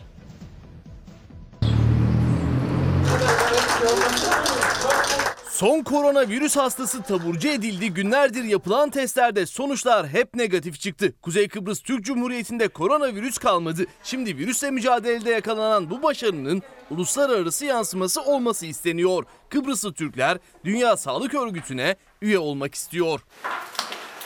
Tüm dünyayı sarsan koronavirüs pandemisi Kuzey Kıbrıs Türk Cumhuriyeti'ni de etkiledi. Türkiye dışında Kıbrıslı Türklere salgınla mücadelede yardım eli uzatan olmadı. Ülke tek başına hastalıkla mücadele etti. Covid-19 tehdidiyle mücadele için yapılacak çalışmalarda kullanılmak amacıyla diğer bütçe ödeneklerinden tasarruf edilerek 30 milyon Türk lirası kaynak sağlanacaktır. Kuzey Kıbrıs koronavirüsle mücadelede önemli tedbirler aldı. Gece sokağa çıkma kısıtlaması, pazar günleri kısmi sokağa çıkma yasağı, okulların tatil edilmesi, restoranların kapatılması ve daha birçok keskin önlem hayata geçirildi. 3 aylık bir süre için tüm kamu kurum ve kuruluşları Sosyal Sigorta Adaleti ve kamu kaynağı kullanan tüm kuruluşlar tarafından yapılan her türlü maaş ödemelerinde 30 milyon Türk lirası kaynak sağlanacaktır. Kıbrıslı Türkler de alınan tedbirlere, yapılan uyarılara büyük uyum sağladı ve tedbirler sonuç verdi. Kuzey Kıbrıs'ta yaklaşık son 20 gündür yapılan hiçbir koronavirüs testinin sonucu pozitif çıkmadı. 11 Mayıs'ta ise tedavisi tamamlanan son koronavirüs hastası taburcu edildi. 83 yaşındaki hastayı Başbakan Ersin Tatar, Sağlık Bakanı Ali Pilli hastaneden alkışlarla uğurladı. Onun için hepinize tekrar hem kendi adıma hem Kuzey Kıbrıs Türk Cumhuriyeti adına hem bakanlık adına çok teşekkür ederim. Koronavirüs hastalarının tedavi edilmesi ve yeni vaka görülmemesi sonucu Kuzey Kıbrıs Türk Cumhuriyeti'nde koronavirüs vakası kalmadı. Kıbrıs dünyanın en güvenli ülkelerinden biri haline geldi. 4 Mayıs'ta mağazalar ve alışveriş merkezleri açıldı. Bankalar yeniden tam kapasite çalışmaya başladı. Restoranlar paket servis verecek şekilde işbaşı yaptı. Pazar günleri için uygulanan sokağa çıkma kısıtlamasının bu hafta son kez uygulanacağı açıklandı. Kıbrıslı Türkler salgınla mücadelede uluslararası kuruluşlar tarafından yalnız bırakıldı. Dünya Sağlık Örgütü'nden destek görmedi. Şimdi Kuzey Kıbrıs Türk Cumhuriyeti Dünya Sağlık Örgütü'ne üye olmak tanınmak istiyor. Bunun için imza kampanyası başlatıldı. Kampanyanın uluslararası kamuoyunda yankı uyandırması bekleniyor. Bu tabii önemli bir konu. Dün ben bunu tabii her gün genel yönetmenimle gündemi konuşuyoruz ya. Ne oluyor memleket nereye gidiyor? Çünkü gazeteciler için bu çok önemli bir şeydir. Ben muhabirlik yaparken o zamanlar Sabah gazetesinde ama Dinç Bilgin'in zamanı. Zafer Mutlu, genel yönetmeni, Fatih Çekirge, Ankara temsilcisi. Hep şöyle düşünürdüm, duyardım. Ankara bürosundayım. Müthiş bir muhabir ekibi var orada. Alo derdi Fatih Çekirge, Güneri Civoğlu ile konuşurdu, Hasan Cemal ile konuşurdu, Sedat Ergin. Farklı farklı gazetelerdekilerle uzun uzun ve notlar alırlardı. Çünkü gazeteci, şimdi bir gazetecinin haber kaynağı bir sürü haber kaynağı var.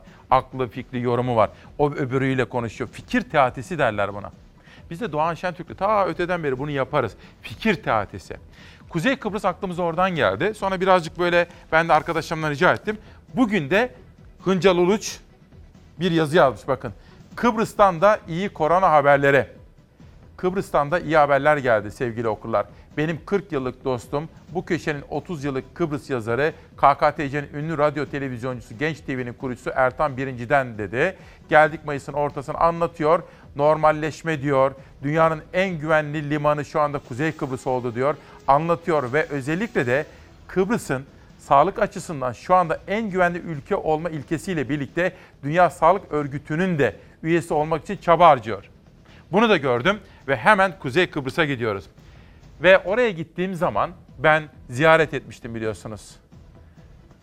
Kuzey Kıbrıs'ın medyası dediğimiz zaman aklınıza ne geliyor? Ne geliyor efendim? Bayrak geliyor. Şimdi izliyoruz. Ve günaydın diyorum yavru vatana. Nasılsınız?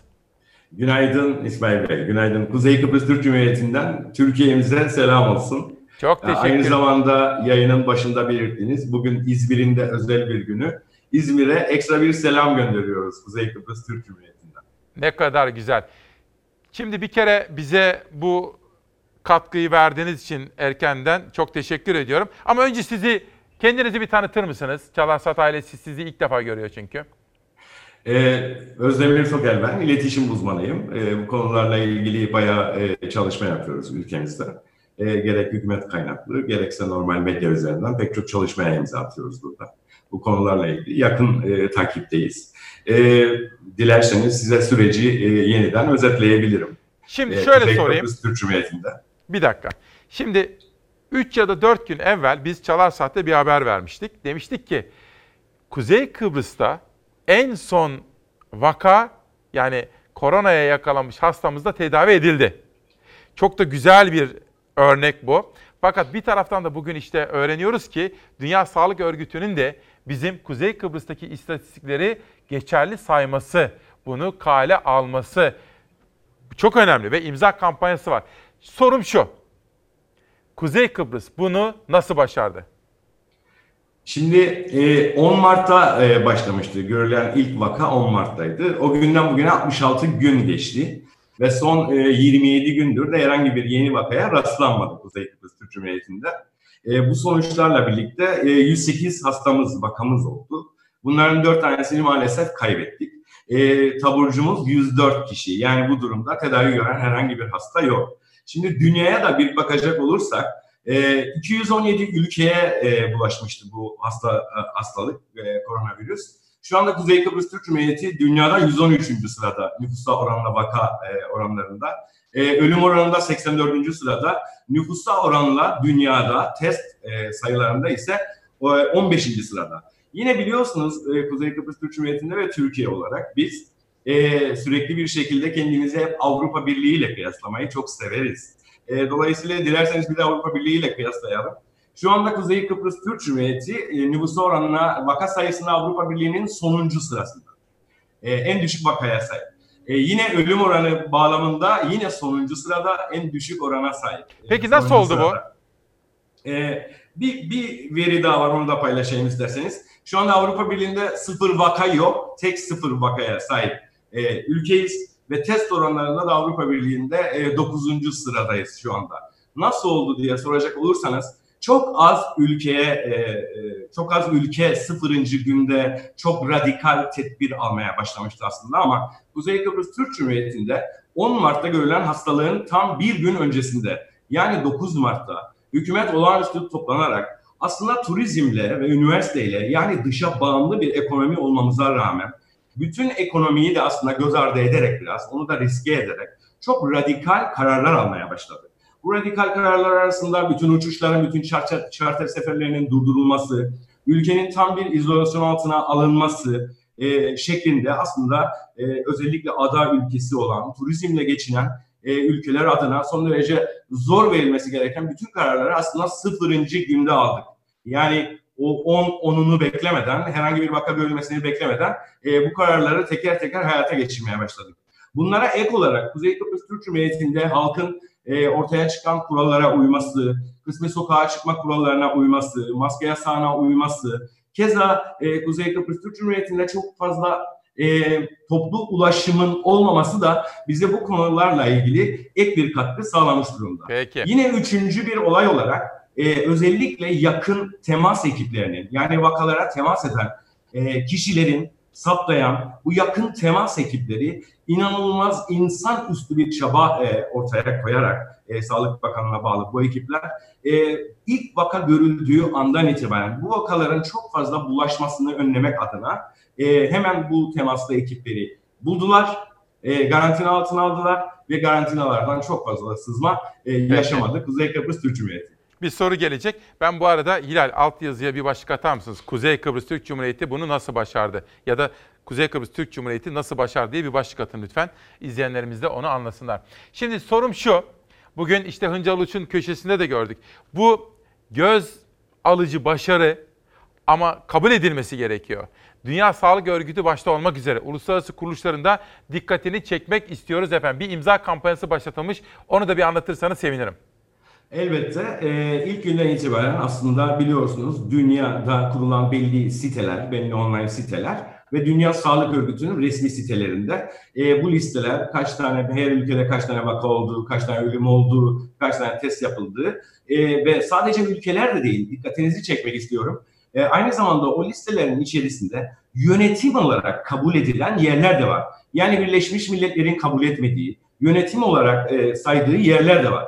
Buna mukabil bu kadar üstün bir başarı göstermesine rağmen aslında tam da bir rol rol model olarak ele alınıp incelenmesi gereken Kuzey Kıbrıs Türk Cumhuriyeti gerek Cumhurbaşkanlığı'nın, gerek Dışişleri Bakanlığı'nın, gerek Başbakanlığı'nın Dünya Sağlık Örgütlerine yapmış olduğu bütün müracaatları göz ardı ederek e, işi yine siyasal bir açıdan okuyarak, e, işi yine siyasete dökerek, sağlık bacağını bir kenara bırakarak yine her zaman olduğu gibi Kuzey Kıbrıs Türk Cumhuriyeti'nde yaşanan, yaşayan insanları, Kıbrıs Türk halkını dünyadan inatla hastalık ötesi siyaseten izole etmeye devam etti. Dolayısıyla bu e, son derece bizleri de üzmüştür. Bu konuyla ilgili her türlü girişimi yapmaya e, devam ediyor Kuzey Kıbrıs Türk Cumhuriyeti halkı. E, bu konuyla ilgili e, imza kampanyaları başlatıldı. Gerekli uluslararası girişimlerin tamamı e, yapılmaya devam ediliyor. E, yine bu konuyla ilgili e, umuyorum Türkiye üzerinden de, Türkiye'miz üzerinden de bu konuyla ilgili bir temas olanağı doğacak e, diye düşünüyorum. Çünkü bizim dış dünyaya açılımımızda en önemli kapılarımızdan hatta tek kapımız e, Türkiye Cumhuriyeti. E, sadece e, Covid konularıyla ilgili değil. Tabii ki. Türkiye. Cumhuriyeti, Kuzey Kıbrıs Türk Cumhuriyeti'nin, Kıbrıs Türk halkının tüm siyasi konularıyla ilgili, e, gerektiği zaman ekonomik konu- konularıyla da ilgili her zaman Kıbrıs Türk halkının yanında durmuş e, ve bizlerin bizlerin bugünlere e, gelmesine çok büyük katkılar sağlamış. Aynı zamanda güvenlik bağlamında da yanımızda duruyor.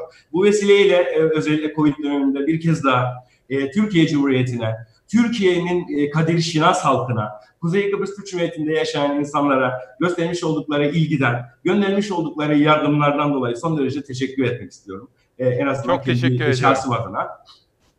Sevgili Özdemir kardeşim, sabah verdiğin bu değerli bilgiler için ve Çalar Saat'e yaptığın katkılar için çok teşekkür ediyorum. Kuzey Kıbrıs'a en içten, en kalbi sevgi ve selamlarımızı iletiyoruz. Çok teşekkür ediyorum. Sağ olun. Bil mukabele efendim. Aynı şekilde. Sağ olun. Şimdi bu konuyu da takip edeceğim. Takip listemin en başına da aldım. Tabii ki haklıyız aslında. Bir klip hazırlanmış. Dikkatinizi çekmek istiyorum. Böyle içiniz açılsın. Arnavutköy'e götüreceğim şimdi sizi. Ve Ayla Çelik'i dinleyeceğiz. Hemen peşine Ankara'dan çok değerli bir konuğumla siyaseti, HDP tartışmalarını yani gündemdeki bu meseleleri ve ekonominin siyasete nasıl yansıdığını kendisiyle konuşacağız. Ama şöyle önce bir dakikalık bir nefes alalım. Mecbur mecbur. Bu hayat hep mi mecbur? Mecbur mecbur. Takılıp kaldık mecbur. Ah kalbim yeni yetme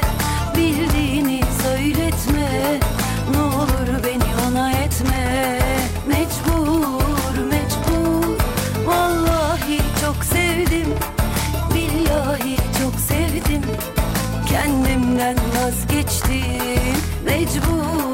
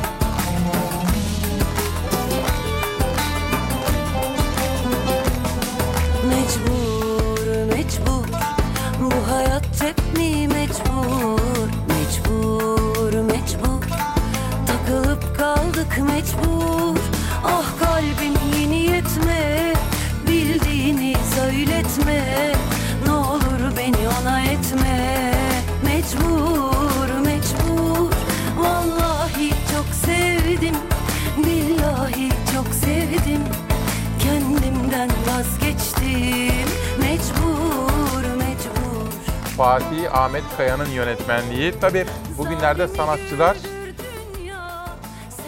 pandemiye ilişkin tabii hem evde kalıyorlar hem de böylesine sosyal mesafeye dikkat ederek çalışma yapıyorlar. Benim bir turizmle ilgili arkadaşım var. Turizm emekçisidir Kaan. Ve bakın bir mesaj yazmış onu da size aktarmak istiyorum. Ne diyor? Kavan, Kaan Kavaloğlu. Sevgili kardeşim günaydın. Kuzey Kıbrıs ile ilgili yaptığınız bu önemli yayın için çok çok teşekkür ediyorum. Ben de sürekli olarak herkese bunu anlatıyorum. En güvenli ülke şu anda diyor efendim. Ankara'ya gidiyoruz. Hazır mı bağlantımız? Ben gazeteci olarak tabii haber kaynaklarıyla yaşıyoruz değil mi? Aradığım, hocam bunun anlamı ne? Buradan nereye varılmak istenmektedir diye sorduğum isimler vardır. Ta öteden beri, gazetecilik günlerinden beri. Onlardan biri İbrahim Uslu'dur. İbrahim hocamı davet ettim. O da kalktı erkenden ve katıldı bize. Hocam günaydın. Günaydın, kolay gelsin. Hocam ne güzel sizi sabah sabah görmek. Çok da şık olmuşsunuz böyle maviler içerisinde. Çok çok teşekkür ederim. Çok naziksiniz. Sağ olun. İyi misiniz? Her şey yolunda mı? Yani bu korona dışında bir sorunumuz yok çok şükür. Ee, tabii bu yeni hayata adapte olmak herkes için çok zor. Ee, alıştığımız bir yaşam ritmimiz var. Ee, şimdi bir süre e, bu yaşam ritminin dışında yaşamak bize tatil gibi geldi. Yani şey tatil falan tamam güzel ama bir süre sonra tatilde bile uzun tatillerde insanlar evini ve normal yaşamlarını özlemeye başlıyorlar. Benim yavaş yavaş o aşama geliyor artık. Ee, yani tatil bitse de artık çalışsak, normal hayatımıza dönsek, koştursak falan. Ee, yani uzun yıllardır, 10 yıllardır alışkın olduğumuz bir yaşam tarzı var. Ee, tabii bu, bu süreç uzadıkça yavaş yavaş e, bize de şeyler, e, şikayetler, söylenmeler falan başlayacak ama şu ana kadar ben hayatımdan memnunum. Bu yeni yaşam tarzıyla da çok şey sorun yaşamadım. E, evde çalışıyorsunuz ama kısa çünkü. olmasını da ümit ediyoruz. Evde çalışıyorsunuz. Aynen aynen evde çalışıyoruz. Şey alışkın olmadığımız bir şey tabii bir ekrana bakarak bir ya da ekranın kamerasına bakarak bazen bütün katılımcıları görmüyorsunuz bile. Siyah bir ekranla konuşmak falan. Yani bizde bir söz vardır. Evet. Kendi kendine konuşana deli misin diye şeyi sorarlar. İnsan bazen kendini kötü hissediyor ama buna da alışıyoruz doğal olarak. Peki. Sağlık her şeyden önemli çünkü. Sevgili hocam, burada ben çok merak ettiğiniz bazı hususlar var. Onları size mutlaka sormak istiyorum. Siyaseten çok merak ettiğim. 3 ya da 4 gün evvel, salı günüydü galiba, Koray Aydın'ı da burada ağırladım. Bir tartışma vardı. Koray Aydın da şöyle bir cümle söyledi. Sırrı Süreyya Önder'in bir tartışması var. Sırrı Süreyya Önder bir cümleler kullandı. Dedi ki bunu hükümetten bağımsız yaptığını düşünmüyorum dedi. Aslında dedi hükümetin işine gelecek bazı tartışmaları gündeme getiriyor Sırrı Süreyya Önder dedi. Bugün Ahmet Türk de aslında Sırrı Süreyya Önder'in böyle bir tartışmaya neden başlattığını anlamak mümkün değil dedi Ahmet Türk. Bunu sormak istiyorum biraz sonra. Ama önce belediyeler. Arkadaşlar rica ediyorum. Mansur Yavaş haber hazır mı? Hocam önce bu belediyeler, belediyelerin yardım kampanyaları, merkezi iktidarla belediyeler arasındaki o tartışmalar onları konuşmak istiyorum. Ama önce hazır siz de Ankara'dasanız bir Mansur Yavaş haberi var. Onu izleyelim sonra sohbete başlayalım. Şimdi sıra geldi suyumuzu, otobüs biletlerimizi ve yine hayırlarımızı paylaşmaya. Ankara Tek Yürek diyerek başlattığı kampanyada hayırseverler bir günde 7 milyon liraya yakın yardım yaptı ihtiyaç sahiplerine. Kampanya büyürken Mansur Yavaş, Melih Gökçek hakkında suç duyurusunda da bulundu. Peçetelerin hepsi ne için? Toplum sağlığı açısından değil mi? Sakarya suyunun tatların toplum sağlığıyla direkt alakası var. 25 milyon nüfusla alakası var Murat Bey. Bu acil Başkanım, değilse ben ne başka bir acil? şey söyleyeyim. Bütçeniz var. Kasada da paranız var. Allah muhtaç etmesin size diyeceğim bir şey yok arkadaşlar. Ankara'da içme suyu taşıyan borulardaki asbest yani kanserojen sorununa dikkat çekerek o boruların değişmesi için borçlanma etkisi istedi Mansur Yavaş Belediye Meclisi'nden. Ancak AK Parti ve MHP grubu izin vermedi. 2007 ve 2009 yıllarında Melih Gökçek döneminde iki kez belediye meclisinin toplamda 536 milyon lira borçlanma etkisi verdiği ortaya çıktı. Yavaş o dönem bu paranın boru değişimine değil başka yere harcandığı iddiasıyla Gökçek hakkında görevi kötüye kullanma suçundan suç duyurusunda bulundu. ASKİ kurumunun bu yılki kesin hesabına bakıyoruz. 2019 yılında 632 milyon lira kar ettim diyor. Şimdi 632 milyon lira kar eden bir kuruluşsunuz siz. 3 milyarlık bütçeniz var, 600 milyon sizin gelir karınız var Siz bunu yapmak için bizden borç para istiyorsunuz. Bunu değiştirmek belediye meclisinin işi değil. Belediyenin görevidir. Belediyenin. Bir kere bu. Bugüne kadar böyle bir problem varsa bunu çözmekle siz mükellefsiniz. Biz Ankara Büyükşehir Belediyesi'nin MHP Grup Başkan Vekili Murat Ilıkan, Bengü Türk Televizyonunda Mansur Yavaş'a karşı kurdu bu cümleleri. Borçlanma talebine Cumhur İttifakı ortaklarından destek bulamayan Yavaş'ın son kampanyasına destek çığı gibi. Bulaştırdığımız her iyilik yüz üstüne yüz güldürsün. Veresiye defteri ve iftar kampanyalarından sonra su ver, bilet ver, el ver diyerek başlattı 3. kampanyayı Mansur Yavaş. Türkiye'nin herhangi bir yerinde yaşayan hayırsever Ankara'daki bir ihtiyaç sahibinin isterse su faturasını ödüyor, isterse Ankara kartına ulaşım parası yüklüyor ya da ihtiyaç sahibinin IBAN numarasına 100, 200 ya da 500 lira tutarında nakdi yardım yapıyor. Şimdi bu iyilik kervanına bütün gücümüzle bir omuz daha koyalım. Kampanyanın ilk gününde ödenen fatura adedi 70 binin üzerinde. 6 binden fazla Ankara karta para yüklendi. 17 bine yakın aileye nakdi yardım yapıldı. Toplam yardım miktarı 24 saatte 7 milyon liraya dayandı. Ve araştırmacı İbrahim Uslu hocamıza soralım. Hocam, öteden beri sizin yaptığınız araştırmaları ben titizlikle okuya gelirim, okurum. Ve her birinde bu sosyal yardımlar, halkımızın içinde bulunduğu ekonomik durum, iktidarların bu sosyal yardımlar vasıtasıyla siyasi hesapları, kitapları her biri. Size şunu sormak istiyorum. Bunu bir anlatır mısınız bize? Şu anda çünkü yeni seçilen belediye başkanları da sosyal yardımlara ağırlık vermeye başladı. Sosyal yardımlar ve siyaset desem ne dersiniz? Şimdi e, bu sosyal yardım ve siyaset ilişkisi aslında uluslararası literatürde de e, tartışılan ve iyi incelenen bir konu. Türkiye'de çok fazla incelenmiş değil ama siyasetçiler ön e, bu iki unsur arasındaki ilişkiyi çözümlemişler. Yani sosyal yardımlar seçmen davranışlarını nasıl etkiliyor? Bunu siyasetçiler gözlemleriyle ve ön sezileriyle biliyorlar. Tabii Türkiye'de bu işte bu kömürcüler, makarnacılar falan e, kelime kavramsallaştırmasıyla tartışıldığı için konu çığırından çıktı, vulgarize edildi. Fakat bu aslında e, bilimsel bir e, ilgi alanı ve e, siyaset bilimi bunun üzerine çok sayıda araştırma yapmış. Şimdi biz de bu tartışma Türkiye'de alevlendiğinde bu konunun üzerinde durduk ve o dönemde çeşitli yardımlardan, devletin yardımlarından yararlanan gruplar üzerinde bu yaşlık yardımı alan, şartlı nakit transferi alan, sosyal yardımlaşma dayanışma vakıflarından yardımlar alan aileler üzerinde araştırmalar yapmıştık. Şimdi e, hakikaten söylendiği gibi e, dünyada da tespit edildiği gibi biz de e, aynı bulgulara ulaştık. Neydi sonuçlar? O dönemde e, AK Parti'nin e, Türkiye ortalaması işte 43, 47, 46, 47 falan o aralardayken e, bu kitlede oy verme, e, hükümete yönelik e, oy tercihi e, %70'lerin üzerine çıkıyordu. Yani çok ciddi bir biçimde ortalamanın üzerinde bu kesimde hükümete bir teveccüh vardı. Şimdi bu dediğim gibi dünyada da sosyal yardım oy verme ilişkisi arasında ilişki biliniyor.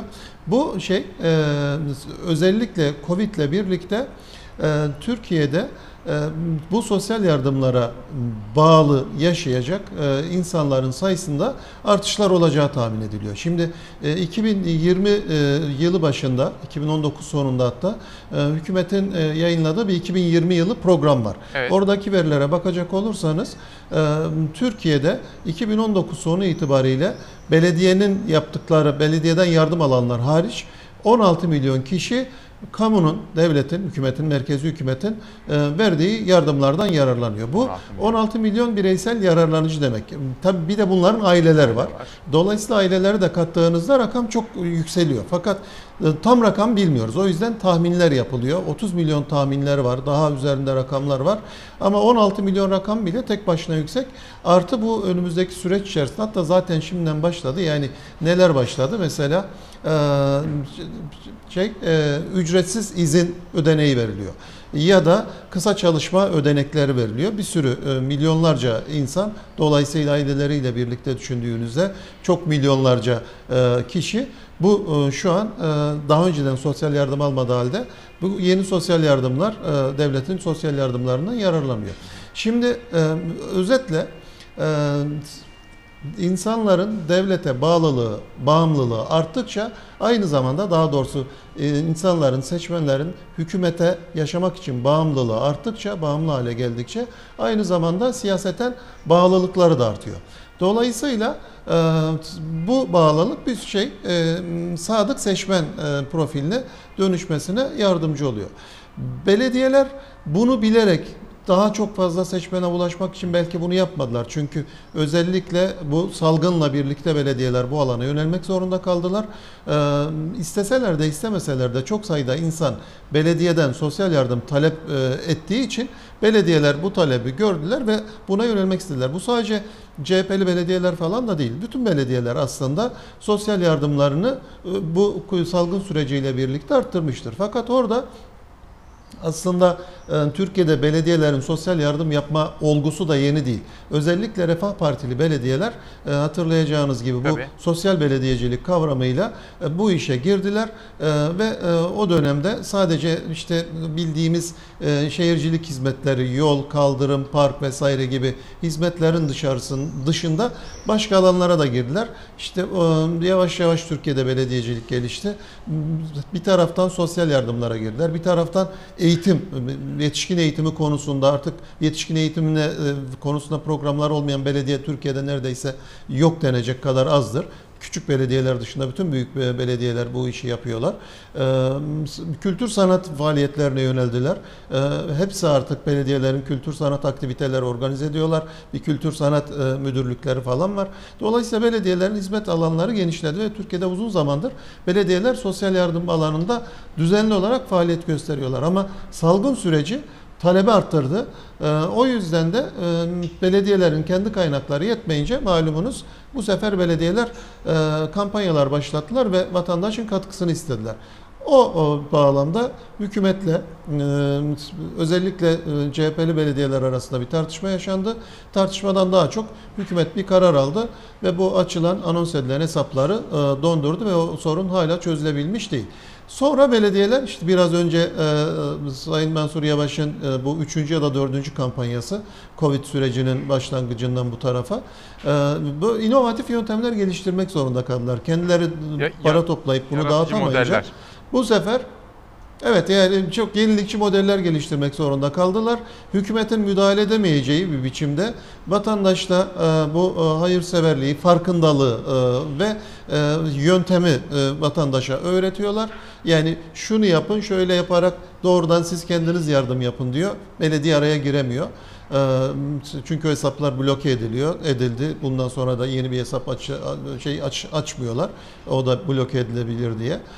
Böylece yenilikçi yöntemlerle, yardımseverlerle yardıma ihtiyaç duyan insanları buluşturmaya çalışıyorlar. Tabii bunun e, merkezi hükümet tarafından hakikaten çözülmesi lazım. Eğer bu süreç biraz daha uzayacak olursa e, bu e, şeyle en azından merkezi hükümetin ulaşmakta zorlandığı bazı vatandaş kesimlerinin mağduriyetinin daha uzun sürmesine neden olabilir. Halbuki seçenekleri arttırmak lazım. Yerel yönetimler bu anlamda bir faaliyet yapabilecek imkanlar varsa buna e, bunun desteklenmesi lazım. Yani Hocam. hoşgörü kavramını kullanmak yanlış. Bunun desteklenmesi lazım. Şimdi bizim biz sıradan insanların yani aklı yani kafamız düz çalışan Estağfurullah. biz insanların Estağfurullah. zihni şöyle diyor. Zor bir dönemdeyiz. Salgınla karşı karşıyayız. İşsizlik ve yoksulluk fazla. İktidar da bizim, belediyeler de bizim. İşbirliği yapmaları lazım. Ya da işbirliği olmasa bile, hadi bunu isteriz ama olmasa bile belediyeler bir taraftan yapsın, halka ulaşsınlar. İktidar da bir taraftan. Yani herkes elini taşın altına koysun. Fakat bir takım engellemeler olmaya başladı. Ben bunu yanlış buluyorum ama bir vatandaş olarak. Siyaseten de yanlış değil mi hocam? Onu bir anlatır mısınız? Bence çok çok haklısınız. Bence yanlış. Vatandaş da bunu yanlış buluyor. Yani ya- yapılan araştırmalarda vatandaşın bunu onaylamadığı çok net bir biçimde ortaya çıkıyor. Şimdi e, AK Parti e, benim gördüğüm e, yanlış bir rekabet analizi yaptı. Nerede? Bu yerel seçimler öncesinde. Bunu Sayın Erdoğan bir- birkaç kere söyledi. Bu milli görüş geleneğinden gelen bir şey. Yani milli görüş belediyelerde önce e, kendini gösterip oradan merkezi hükümete yürüyünce belediyelerden e, başlayacak bir siyasal hareketin daha sonra e, merkezi hükümete yöneleceğine dair bir genel kanaat oluştu. Sanki böyle bir e, şey varmış gibi, yani kural varmış gibi, siyaset biliminde böyle bir kural varmış gibi, belediyelerde başarılı olan bir süre sonra alır gibi. Bu bir kere evet gerçekleşti Türkiye'de. E, Bir daha gerçekleşir mi, gerçekleşmez mi bilmiyoruz. O hani birden fazla gözleme ihtiyaç var. Ama AK Parti böyle bir varsayımla yani eğer muhalefet belediyelerde başarılı olursa ilk önce belediyeleri kaybedersem merkezi hükümeti kaybederim diye bir e, varsayımla yola çıktı belediyelerin önemli belediyeleri de kaybetti. Hatta yani İstanbul'u kaybeden falan hatta Türkiye komple gider demişti Sayın Bahçeli Evet. hatırlayın. İstanbul, Ankara'yı kaybedersek Türkiye'nin beka sorunu ortaya çıkar. Türkiye Cumhuriyeti yok olur falan anlamında sözler söylemişti. Buna Sayın Erdoğan katıldı. Ee, O, o benzer ifadeler kullandı. Ee, Özellikle o kampanya döneminde teşkilatları motive etmek için benzer ifadeler kullandılar ve kaybettiler. Ama ne Türkiye battı e, çok şükür e, ne de hükümet de battı. Yani e, çünkü daha önünde yasal olarak süresi var 2023'e kadar ve önünde de hiçbir engel görünmüyor şimdilik. Dolayısıyla o varsayımlar yanlıştı. Fakat orada bir rekabet analizi yapıldı. Hatta Sayın Erdoğan bir süre sonra muhalefet partilerinin belediye başkan adaylarıyla yani belediye başkanıyla bile değil belediye başkan adaylarıyla doğrudan rekabet etmeye başladı. Ve e, önce Ankara'da İstanbul'da daha sonra Ankara'nın kaybedildiği anlaşılınca İstanbul'da e, sanki e, AK Parti'nin bir büyükşehir belediye başkan adayı yokmuş gibi Sayın Erdoğan doğrudan orada e, hem kampanya anlamında hem de muhataplık anlamında e, Sayın Ekrem İmamoğlu ile doğrudan e, muhatap olmaya başladı. E, ve e, onu kendisine rakip olarak seçti. E, o diyalog e, seçimden sonra da hani seçim bitti, bitsin, hayır bitmedi. Seçimden sonra da o diyalog devam ediyor. E, ve e, defalarca Sayın Ekrem İmamoğlu ile Sayın Erdoğan e, karşılıklı polemiklere girdiler. İşte bu Kanal İstanbul e, tartışmasında bu yaşandı. E, İstanbul Boğaziçi imarda yapılan yeni düzenlemelerde bu yaşandı. Onun dışında ne bileyim işte e, Haydarpaşa Garı'nın ihalesinde yaşandı. Şu son zamanlarda e, Galata Kulesi ile ilgili bir tartışma yaşanıyor. Henüz Sayın Cumhurbaşkanı o konuyla ilgili konuşmadı ama e, şey yani dolayısıyla Sayın Erdoğan muhalefetin belediye başkanlarını doğrudan e, kendi rakibiymiş ve muhatabıymış gibi değerlendirdi. Böyle bir analiz yaptı ve onu sürdürmeye devam ediyor. Şimdi e, zaten bu, bu bir varsayımlar yanlıştı. Yani belediyeleri alan e, hükümeti alır. Belediyeleri kaybeden hükümeti kaybeder. İşte şey doğrudan dolayısıyla ben belediye başkanlarıyla muhatap olmalıyım ve rekabet etmeliyim. Be- Belediyelerin başarılı olmasını engellemeliyiz. Eğer onlar kendi şehirlerinde başarılı olurlarsa bir süre sonra oradan merkezi hükümete yürürler. Peki. Bu varsayımlar bence yanlıştı. Yani böyle bir kanun yok ama AK Parti bu yanlış varsayımlar üzerinden bir politika sürdürüyor. Peki çok net aslında. Hocam çok teşekkür ediyorum. Şimdi bir reklam arasına gideceğiz. Dönüşte sizi önce işkur kuyruklarına götüreceğim ve vatandaşın yaşadığı ekonomik sorunların siyasete nasıl yansıdığını soracağım bir araştırmacı gözüyle. Sonra HDP'ye ilişkin bir haber hazırladık ve özellikle ittifaklar, yeni sistem, HDP'nin bu ittifaklar sistemi içerisindeki yeri ne olacak? Bu tartışmayı da size soracağım ama önce reklam arasına gidiyoruz. Sevgili izleyenler, reklamlardan sonra İbrahim Uslu ile sohbetimiz devam edecek. Her günün adını beraber koyuyoruz. Güne beraber başlıyoruz. Yaşadığımız, uyandığımız her sabah anlam katmamız gerekiyor. Bugün 15 Mayıs. İzmir'in düşman tarafından işgal edilmesi. İlk kurşun Hasan Tahsin. Sonra atamızın Samsun'a doğru yolculuğu. Salı günü özel bir yayınla burada İsmail Küçükleri Demokrasi Meydanı'nda Cumhuriyetimizin kıymetini, gençlerimize miras bırakılan emanetin ne kadar değerli olduğunu anlatacağız. Özel bir konuğum var sizler için. Günler öncesinden konuştuk. Ama bugün, bugün İzmir'den başlayarak dedelerimizin, ninelerimizin, büyük önderimiz Mustafa Kemal Atatürk'ün etrafında kenetlenmesi, bir kuvayi milliye ruhuyla kendi bağımsız devletini kurması. Bugün anlamlı bir gün.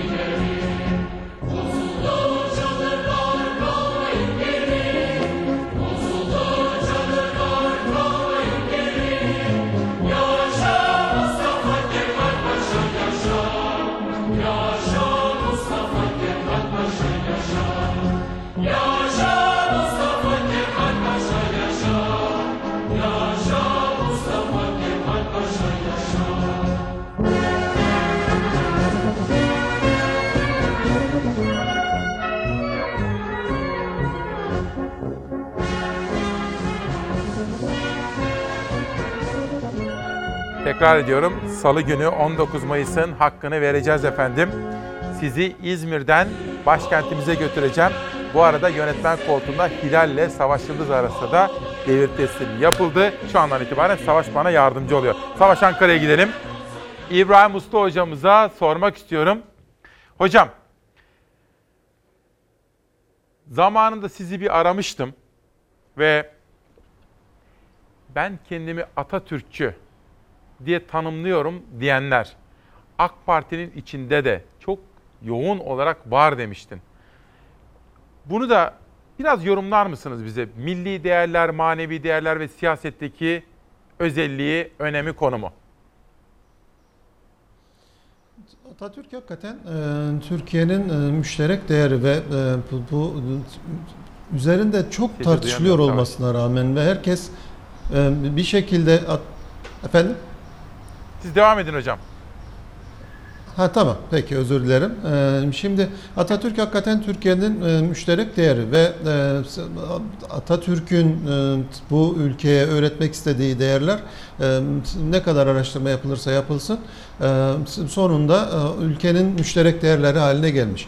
Evet üzerinde bir tartışma var ve Atatürk üzerinden Atatürkçü Atatürk'ün ve Atatürkçülüğün Türkiye'de e, siyasi partilerin bir tartışma malzemesi haline gelmiş olması e, ve e, o yüzden de sürekli üzerinde bir tartışma yaşanıyor olması e, bence bir şanssızlık.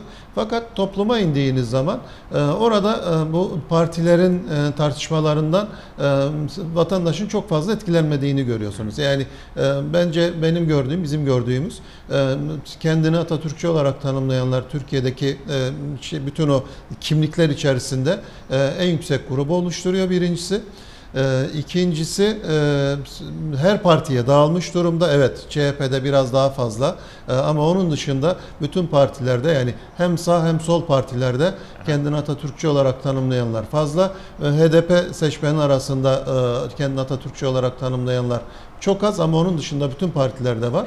Ee, onun dışında işte Cumhuriyet gibi, bağımsızlık gibi, milli egemenlik gibi e, Atatürk'ün, e, Atatürkçülüğün e, temeli olan kavramlar ya da Atatürk'ün e, bu ülkeye hediye ettiği kavramlara baktığınızda onların da e, vatandaşın yine parti tercihlerinden bağımsız olarak tamamı tarafından e, neredeyse büyük ölçüde benimsendiğini görüyoruz. Fakat bu ideolojik grupların Türkiye'de Atatürk'ü ve onun Türkiye'ye sunduğu evrensel değerleri tartışarak onun üzerinden bir ideolojik formasyon tanımlamaya çalışmaları, partilerin Atatürk'ün yanında ya da karşısında durarak e, oy toplamaya çalışmaları e, ya da Atatürk döneminin bazı değerlerini ya da uygulamalarını destekleyerek yahut eleştirerek o, siyaset yapmaya çalışmaları bence bir bahtsızlık, bir şanssızlık.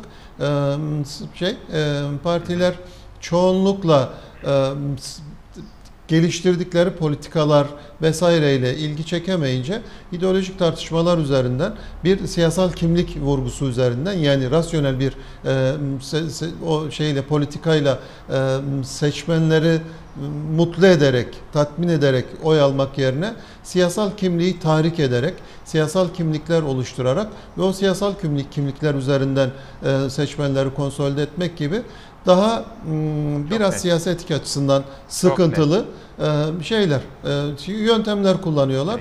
Benim gördüğüm temel sorun buradan çıkıyor. Yok ama şey, topluma indiğiniz zaman e, Atatürkçülüğün kavramlarıyla, değerleriyle e, yerleştiğini görüyorsunuz. Harika. Hocam çok net oldu. Çok teşekkür ediyorum. Tabii o bizim ortak değerimiz. Ortak değerler üzerinden aslında birlikte yaşama kültürünü geliştireceğiz. Halkımız aslında bunu yüzyıllardır 110 yıllardır değil, 100 yıllardır aslında başarmış bir durumda. Hocam şimdi sizi zaten Ankara'dasınız ama iş kurun önündeki kuyruklara götüreceğim. Bir Türkiye manzarasını sunacağım. Sonra yorumunuzu rica edeceğim. Sorunumuz çalışmamakta. Şimdi evde otur da aç karnına evde oturulmaz yani. Kiramız var, kredimiz var. Otur evde otur ama ne yiyeceksin, ne içeceksin soran da yok. Kuru kuru evde otur denilmez. Evde otur dediğin zaman o şeyi karşılaman lazım. Üç çocuk sahibi 55 yaşında Hüseyin Yalçın. Kirasını faturasını ödemesi için para kazanması gerek. Kapısı önündeki kalabalık her geçen gün artan İşkur'dan gelen rapora göre Nisan ayında 30.556 kişi işe yerleştirilebildi. Mart ayında bu sayı 74.331'di. İşimiz yok, paramız yok. Sürünüyoruz. Akşam mesela sofraya nasıl oturacaksınız? Sıcak su kaynatıyoruz, ekmek doğru yiyoruz. Bu kadar zor durumdayız ve mağduruz. Komşular ekmek verirse yiyoruz. İki ay öncesine kadar lokantada çalışıyordu ama şimdi akşam sofraya koyacağı bir tas yemeği düşünüyor. Raif Seki 52 yaşında. İşçi çıkarma yasağı gelmeden önce işten çıkartıldı. Bir umutla geldim yani. Zor durumdayım. Yani temizlikte yaparım. Yani her iş gelir elimden hemen hemen. Ev temizliğine bile razıyım ama ona bile gidemiyoruz işte. 17 Mart'ta hastalıktan dolayı yurttan patronum çıkışlarımızı verdi. Gün sayım düşük olduğu için maaş alamıyorum. 3 tane çocuğum var. Bir ayakkabı istiyor, bir elbise istiyor. Yani daha alamadım yani.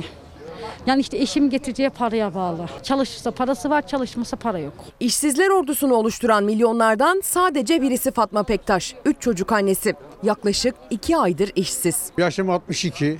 Biz yıllarca seyyar satıcılık, iş portacılık yaptık. Emeklilik yok. Bir bin lira para verdi devlet işte bundan bir ay önce. Bakkala borcum vardı 550'ye yakın onu, onu verdim. İki tane poşet dolduruyor 300-400 atıyor. Yani 2-3 günde bitti o parada. 62 yaşındaki Ahmet Özbek de devletin verdiği 1000 lirayla nefes aldı ama o para da bitti diyor iki günde. Milyonlar gelecek günler için iş arıyor. İnsanlar ne- nereye kadar yardım edecek size? Bir verir, iki verir, verdi olmuyor işte. Bizde bu boynumuz eğrik oluyor, olmuyor. Açık iş ilanı var mı diyerek her gün işkur kapısını aşındırıyorlar. Her gün yeni umut onlar için. İnan pazara çıkaramıyorum hani gezdiremiyorum ihtiyaç işte gördüğünü istiyor. Ya 3 lirayla eşim e, ekmek parası bırakıyor düşün ben ne yapayım. Yok ki hani idare etmeye çalışıyoruz bakalım. Günlük 3 lirayla idare etmeye çalışıyor 3 çocuk annesi Hatice Bilgen. Eşi çalışamıyor, engelli maaşı var ama 5 kişilik aileye yetmiyor. Temizlik olur. Yani ne iş olsa yapacağım yani o derece şu an. Oğlum asker diyor. Anne çok zor da kalmayın ben iyiyim diyor ama sıkıntı. Daha yollayamadık. Sevdiğine kavuşabilmek için iş bulmak zorunda olanların sayısı da her geçen gün artıyor. Nişanı yaptık işte 8. ayda da düğün vardı. İşten güçten olduk. Tam da öyle sıkıntılı bir zamanda denk geldik. Evlenebilecek misiniz? Şu an için çok zor. Yüzler değişiyor ama hikayeler birbirine çok benziyor işkur önünde. Ben işsizim. İki aydır, iki buçuk aydır boşum. Evde bir ekmek parası yok. İki kızım var. En son kızım dedi, baba dedi "ek- ekmek yok. Evde termosum vardı, çay demledim. Şey yaptım ya, durumum bozuk. Çaresizlik boğazına düğümlendi. 45 yaşında iki çocuk babası Yusuf Derin garsondu, salgınla işsiz kaldı. Sigortasız çalıştırıldığı için hiçbir destekten faydalanamadı. Son çare evden doldurduğu termosuyla yola çıktı ve yine işkurun önünde durdu. Çay içmek isteyen bir ekmek parası için çay satıyorum. Ya evde kal, nereye kal? Hayırdır? Çoluk çocuk açlıktan mı ölsün? Gel benim evime bak, yiyecek bir şey bulursan yüzümüze tükür. Hikayeleri hep aynı. Bir umut bekleyenlerin dertleri bir lokma ekmeği alınlarının teriyle kazanabilmek. İnanır mısınız benim çektiğimi kimse çekmedi. Yani dört kere beş kere uğradım haftada ama bir çare bulamadım yani. İşkurun önünde bekleyenler sadece işçilerde değil, haklarını aramak için gelen patronlar da var. Hani diyorlar ya 1750 lira her kişinin eline geçecek diye böyle bir şey yok. 788 lira para geçiyor. Her birinin elemanımın eline 788 nerede bu e, 1750 lira? Türkiye'nin kanalı Fox'un o çok başarılı muhabirleri Beril Özcan mesela oradaydı. Gökhan Mısırlı oradaydı. Beril Ötkan oradaydı. Nazlı Yere Basmaz oradaydı. Kameraman arkadaşlarımız onların isimlerin hepsini gördünüz. Ve sabah rica ettim Ezgi Gözeger derleyip toparladı. Ki İbrahim Usta hocama sorayım. Hocam ben sizi yıllar yılı her aradığımda ilk sorularımdan birisi şu olmuştur. Vatandaş sandığa giderken oy vereceği partiyi seçerken neye bakar diye hep size sormuşumdur. O soruyu şimdi canlı yayında sizlere sorayım ki Çalarsat ailesi de öğrensin. Vatandaş sandık başına giderken veya siyasi tutum ve tavrını, tercihini belirlerken neye bakar?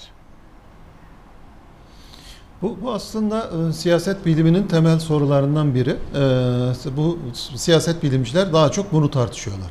E, şimdi birkaç şey var, e, temel teori var. Bunlardan birincisi siyasal kimlik. Yani insanlar daha çok doğdukları günden itibaren bir siyasal kimlik içerisinde doğarlar. Aileniz ya sağcıdır ya solcudur. Ailenizden öğrenirsiniz ve geri kalan hayatınızda da o siyasal kimliğe uygun e, yani diyelim ki sağcı bir ailede doğduysanız sağcı partilere, solcu ailede doğduysanız sol partilere oy vererek gider. Fakat o ana akım içerisinde parti değiştirebilirsiniz. Hani birden fazla sağ parti seçeneği varsa A'ya değil B'ye, B'ye değil C'ye verebiliyorsunuz. Ama ana akım değiştirme eğilimi düşüktü son zamanlara kadar. Bu e, bu teori günden güne e, etkisini kaybediyordu. Ne zamana kadar? 2008-2009'lara kadar. Ondan sonra bu popülist iktidarların yükselmesiyle birlikte siyasal kimlik teorisi seçmenlerin daha büyük bir kısmının davranışını açıklamaya başladı. Birinci teori bu. Ee, ve Türkiye'de de seçmenlerin önemli bir kısmı e, siyasal kimliklerine göre oy veriyorlar. İkinci teori e, seçmenler ekonomiye bakar. Cüzdanına göre e, hareket eder. Yani hükümet başarılıysa hükümeti ödüllendirir ekonomik açıdan başarılıysa. Hükümet ekonomik açıdan başarısızsa e, vatandaş hükümeti cezalandırır. Ee, bu ikinci teori. O bunun yanı sıra sosyodemografik göstergeler var. İşte kentliler şuraya, kadınlar buraya, gençler şuraya falan gibi. Ee, onlar daha küçük grupların davranışını açıklıyorlar ama esas iki büyük grubun davranışını açıklayanlar bu bu iki teori. Şimdi e, bu ekonomik oy verme davranışı Türkiye'de iki seçimde çok belirgin bir biçimde ortaya çıktı. Birincisi 2002 e, genel seçimlerinde AK Parti'nin iktidara geldiği. Biliyorsunuz 2001 yılında şiddetli bir e, ekonomik kriz yaşandı Türkiye'de. 2002 yılında e, erken seçime gidildi. MHP'nin, iktidar ortağı MHP'nin e, şey e, bastırmasıyla ve o iktidardaki iktidar ortağı olan partilerin tamamı baraj altında kaldı ve e, o esnada parlamentoda olmayan CHP ile henüz yeni kurulmuş AK Parti sadece barajı aşmayı başardı ve 2002 ekonomik performansı kötü e, partilerin komple tasfiye edildiği bir seçim olarak tarihe geçti. Birincisi o. İkincisi 2009 yerel seçimleri. 2008'de e, dünyada bir ekonomik kriz başladı. Büyük küresel kriz. E, ve 2009 yılında yerel seçimler vardı. AK Parti o yerel seçimlerde tam 9 puan oy kaybetti. %47 oy almıştı 2 sene önceki genel seçimlerde ve yerel seçimde %38'e düştü. 9 puan oy kaybetti. Fakat e, bu mekanizma her zaman böyle mi çalışır? Bunun bir istisnası var. Hangisi? 2019'da yani bundan bir yıl önce e, yaşadığımız, e, yaklaşık bir yıl önce yaşadığımız yerel seçimler. Şimdi e, aynen 2009 yerel seçimlerinde olduğu gibi e, 2018'de bir e, doların tarihi rekor kırıp yani tüm zamanların en yüksek e, fiyatı şeyine seviyesine e, çıkıp e, Türk ekonomisinin ciddi sorun yaşadığı bir dönemden geçiyorduk. Krizden ee, henüz e, bir yıl bile geçmemişken Ağustos'un ortasında dolar e, zirve yapmıştı. Mart sonunda bir seçime gidildi. Ee, AK Parti bir önceki yerel seçimlerde daha doğrusu 2009'da 9 puan kaybederken bu sefer iki parti bir arada girdiler. Sadece 3,5 puan oy kaybettiler. Evet. Ee, yani 2018 genel seçiminde %53.6 oy almıştı Cumhur İttifakı. Ee, şeyde ise yerel seçimlerde ise belediye meclisi el genel meclislerindeki oylarını toplarsanız %50.2 oy aldılar. 3,5 puandan az bir oy kaybettiler. Peki ne değişti? Yani seçmen aynı seçmen, evet. ülke aynı ülke, parti aynı parti. Arada bir tek şey var. 2009 ee, yılında hükümet seçim ekonomisi uygulamamışken e, bu sefer seçim ekonomisi uyguladı. Hatırlayın asgari ücrete %26 zam, e, işte kredi kartı borçlarına kredi verip ucuz kredi verip borçlarını kapattırma, köprü cezalarının e, şey iptal edilmesi şey bunun gibi çok sayıda işte KGF destekli krediler can suyu kredileri esnaflara verilen çok sayıda şey sayılabilecek seçim ekonomisi olarak nitelendirebileceğimiz transfer harcaması yaptı hükümet. Ve 2009'da 9 puan oy kaybederken bu son seçimde sadece 3,5 puan oy kaybetti. O da bir oy kaybı sayılır mı tartışılır. Niye? Çünkü AK Parti her zaman daha doğrusu iktidar partileri yerel seçimde genel seçime göre bir miktar oy kaybederler. Niye? Çünkü e, iktidar belirlenmiyordur. Belediyede e, amcasının oğlu belediye meclis üyesidir, abi, üye adayıdır, bilmem nedir falan. Bu merkez kaç oy verme eğilimleri daha fazla olur. E, iktidarı belirlerken, Ankara'da kimin olacağını belirlerken insanlar daha merkeze toplanırlar. Ama e, yerel seçimlerde e, merkez partilerden, iktidar partilerinden biraz uzaklaşabiliyorlar.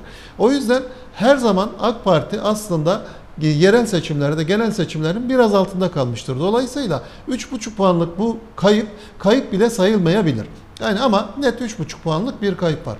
Dolayısıyla ekonomi kötü olduğunda, işsizlik yüksek olduğunda e, illa seçmen hükümeti cezalandırmıyor. Yani programın açılışında da bundan bahsetmiştim. Dünyada da böyle. E, eğer e, sosyal politikalarınız zayıfsa seçmen ekonomiye bakıyor. Ama sosyal güçlü sosyal politikalarınız, sosyal yardımlarınız varsa, ekonomi kötü bile olsa vatandaş o makro göstergelere değil doğrudan cebine girene bakıyor ve bu durumda e, hükümet oy kaybetmiyor. E, bunu e, 2019 net yerel ama seçimlerinde Aklıma gördük. şöyle bir soru geldi sizi dinleyince. Fakat şimdi tamam ekonomi geçerli, belirleyici fakat sosyal yardımlarla ilgili. Peki ama belediyeler de girdi şimdi hocam bu sosyal yardım işinde Millet İttifakı'nın belediyeleri işte Ankara, İzmir, İstanbul, Mersin, Adana işte pek çok yerde de onlar da şimdi sosyal yardım yapıyorlar. Ne olacak o zaman? Doğru bir rekabet var. Ee, fakat tabii e, merkezi hükümetin imkanları her zaman belediyelerden daha yüksek. İkincisi e, belediyelerin bir dezavantajı var. Nedir o?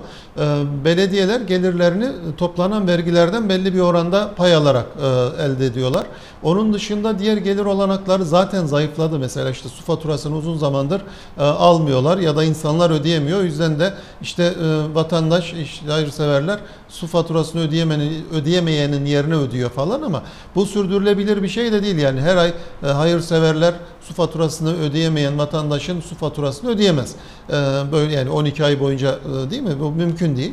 E, ara sıra olacak bir şey bu. Dolayısıyla belediyelerin gelirleri aslında sorun da hükümete bağlı olduğu için, bağımsız gelirler olmadığı için ve bunlar çok kısıtlı olduğu için e, belediyelerin merkezi hükümetle rekabet edebilme şansları yok. E, daha kısmi e, şeyler, yardımlar yapabiliyorlar ama işsizlik sigortası gibi, genel sağlık sigortası gibi, onun dışında yapılacak işte engellilere e, evde bakım sigortası gibi, yaşlılara ödenen sigortalar gibi, e, çocuklara işte çocuk başına ödenen belli şeyler, paralar gibi falan düzenli gelirler sağlamakta belediyelerin e, hükümetle rekabet edebilmesi mümkün değil. Dolayısıyla belediyeler anca e, gıda yardımı falan yapabiliyor ama onun dışındaki büyük yardımları büyük e, bütçeye sahip olan hükümetler yapabiliyor. Peki. E, ama bu e, şey anlamına gelmez tabii yani belediyelerin e, vatandaş nezdinde itibar kaybedeceği anlamına gelmez.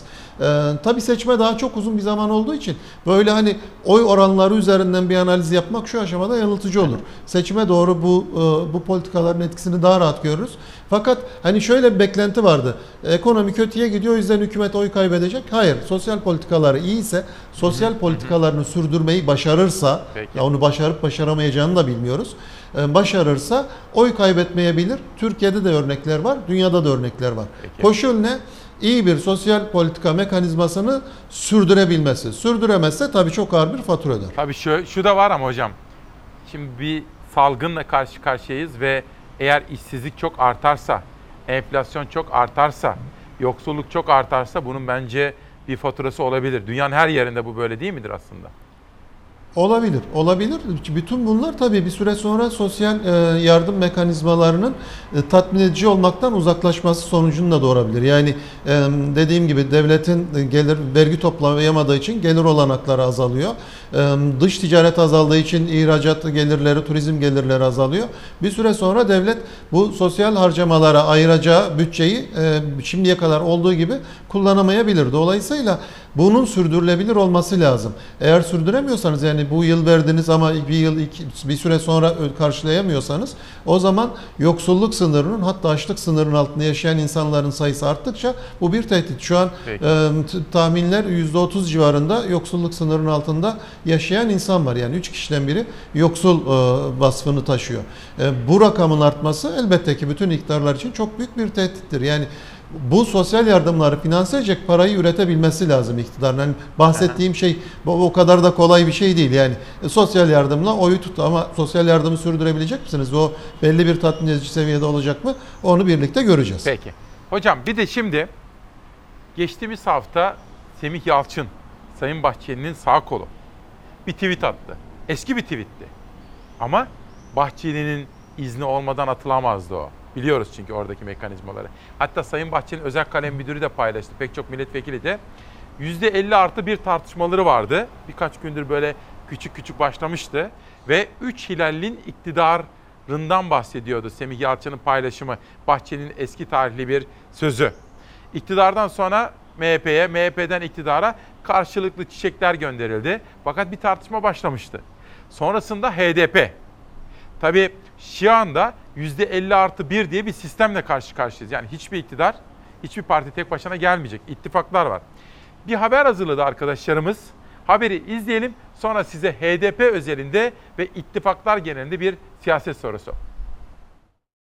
dün bize aracı gönderen, şurada kiminle çalışalım, nasıl çalışalım, şunu nasıl yapalım diye fikrimizi merak eden bir siyasal parti bugün bize koordinat biçemez. İyi Parti'yi kastediyorum. ne benim ne arkadaşlarımın HDP'ye biz nerede ne yapalım diye soru sormuşluğumuz gayri resmi, resmi e, kesinlikle yoktur. İsnat eden bunu e, ispat etmekle görevlidir. Sırrı Süreyya Önder İyi Parti bize aracı gönderdi dedi. İyi Parti lideri Akşener ispat istedi.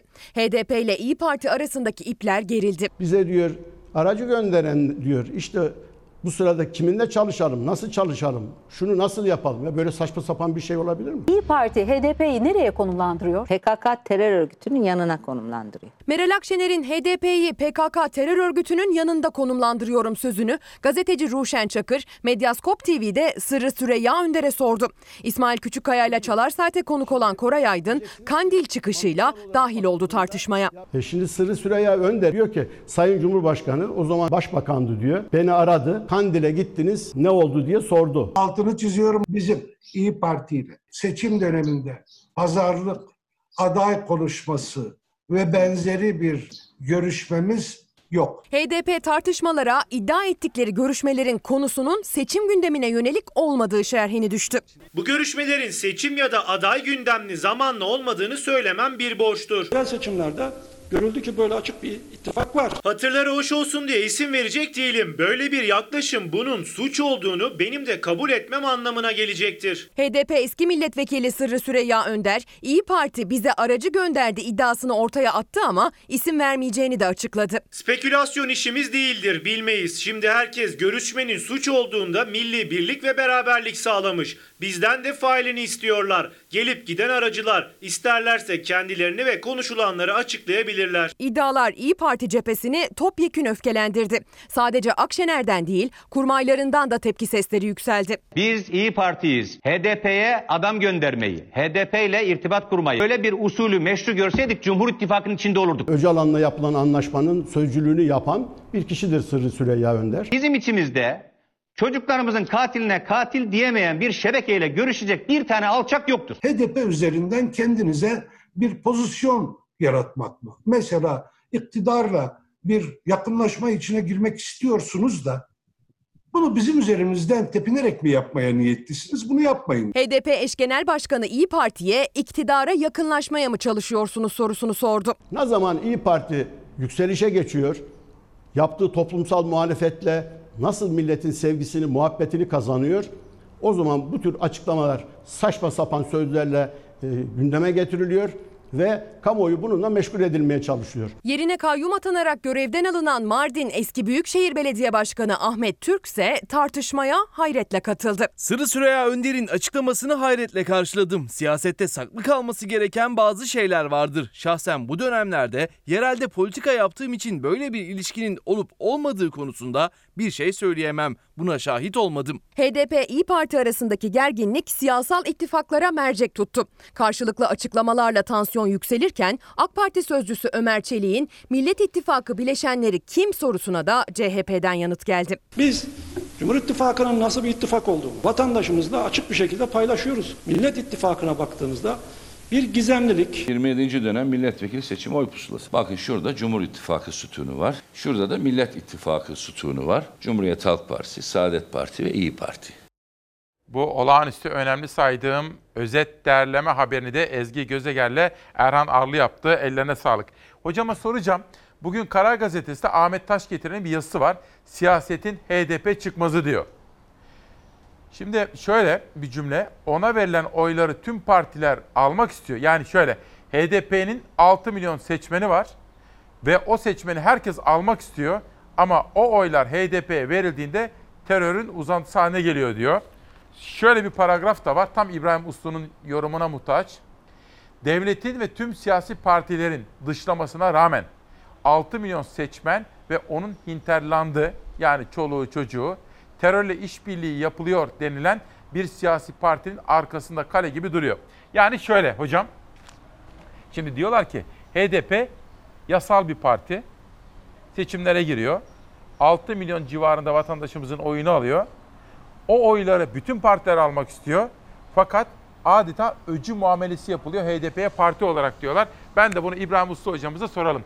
Hocam ittifaklar çağında %50 artı 1 sistemine göre bütün bu gelişmeleri nasıl yorumlayacağız?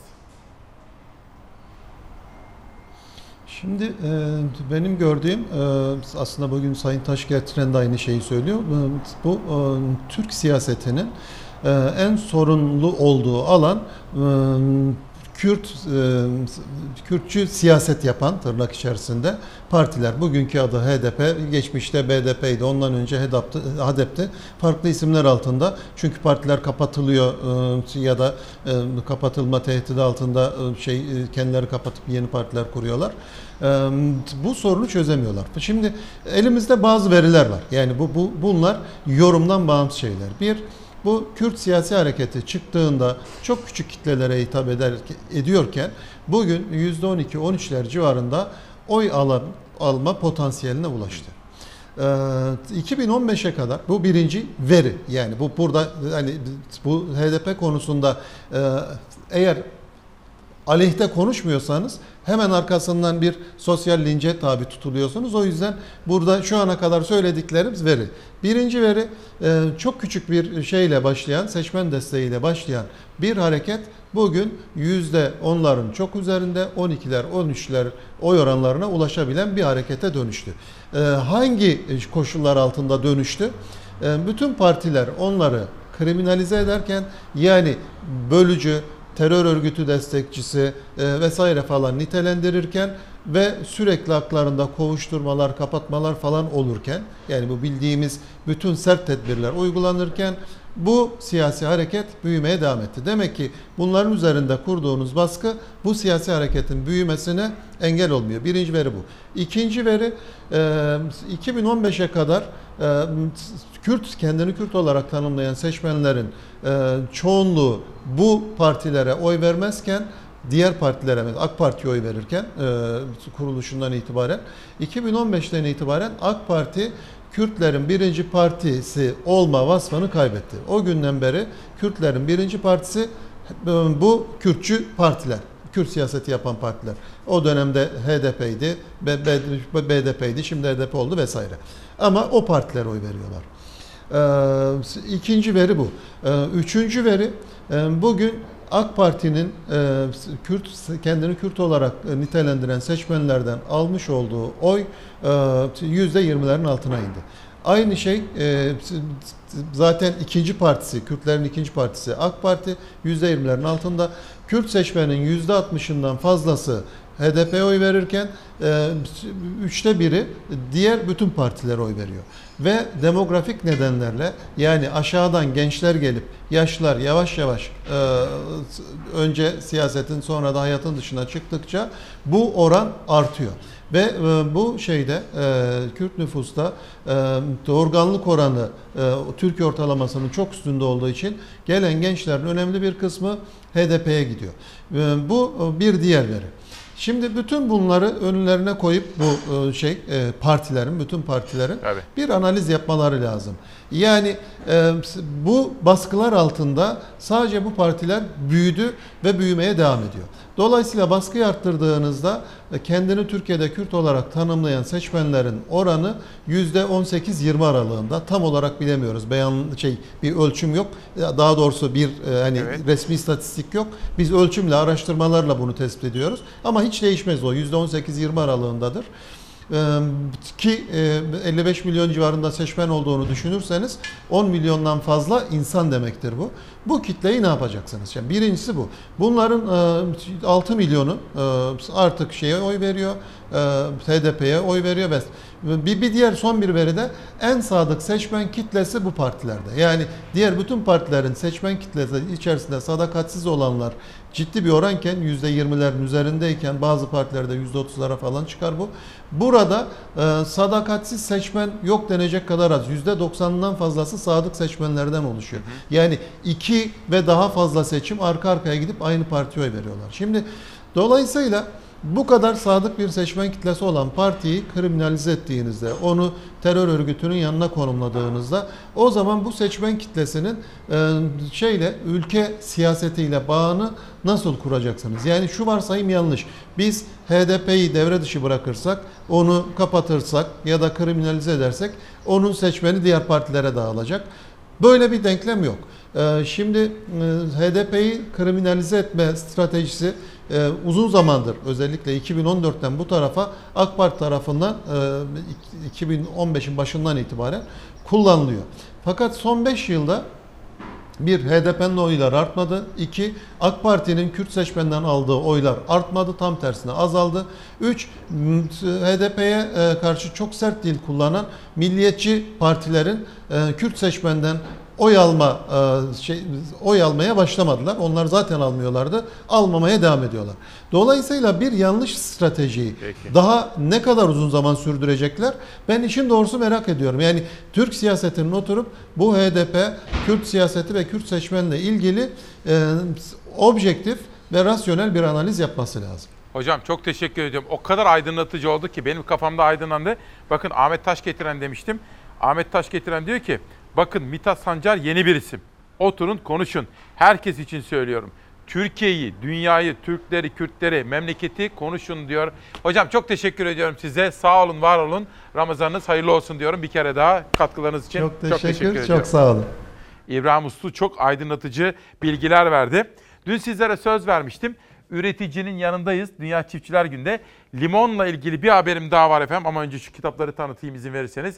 Mahir Yeşildal, Ela Reyhanlıoğlu'nun Salgın Psikolojisi Bir Başa Çıkma Rehberi isimli kitabı İsmail Küçükkaya ile Demokrasi Meydanı'nda. Bu arada bugün bu müthiş randevuda benim yanımda olan sabah işte Zeray Kınacı editörüm, Zafer Söken, Beyza Gözeyik, Ezgi Gözeger, Savaş Yıldız ve Hilal yönetmen koltuklarında biraz evvel söylemiştim. Kameraman arkadaşlarım, rejideki bütün arkadaşlarım, sesçimiz Turgay, danışmanım Nihal Kemaloğlu ve Doğan Şentürk yönetimindeki Fox Haber ve genel müdürümüz Cenk Soner'in bizlere sağlamış olduğu bütün yönetim adına söylüyorum bunu. Bu özgürlük ortamına ne kadar teşekkür etsem azdır. Koronavirüs döneminde az buz değil efendim. Sağ olsunlar, var olsunlar.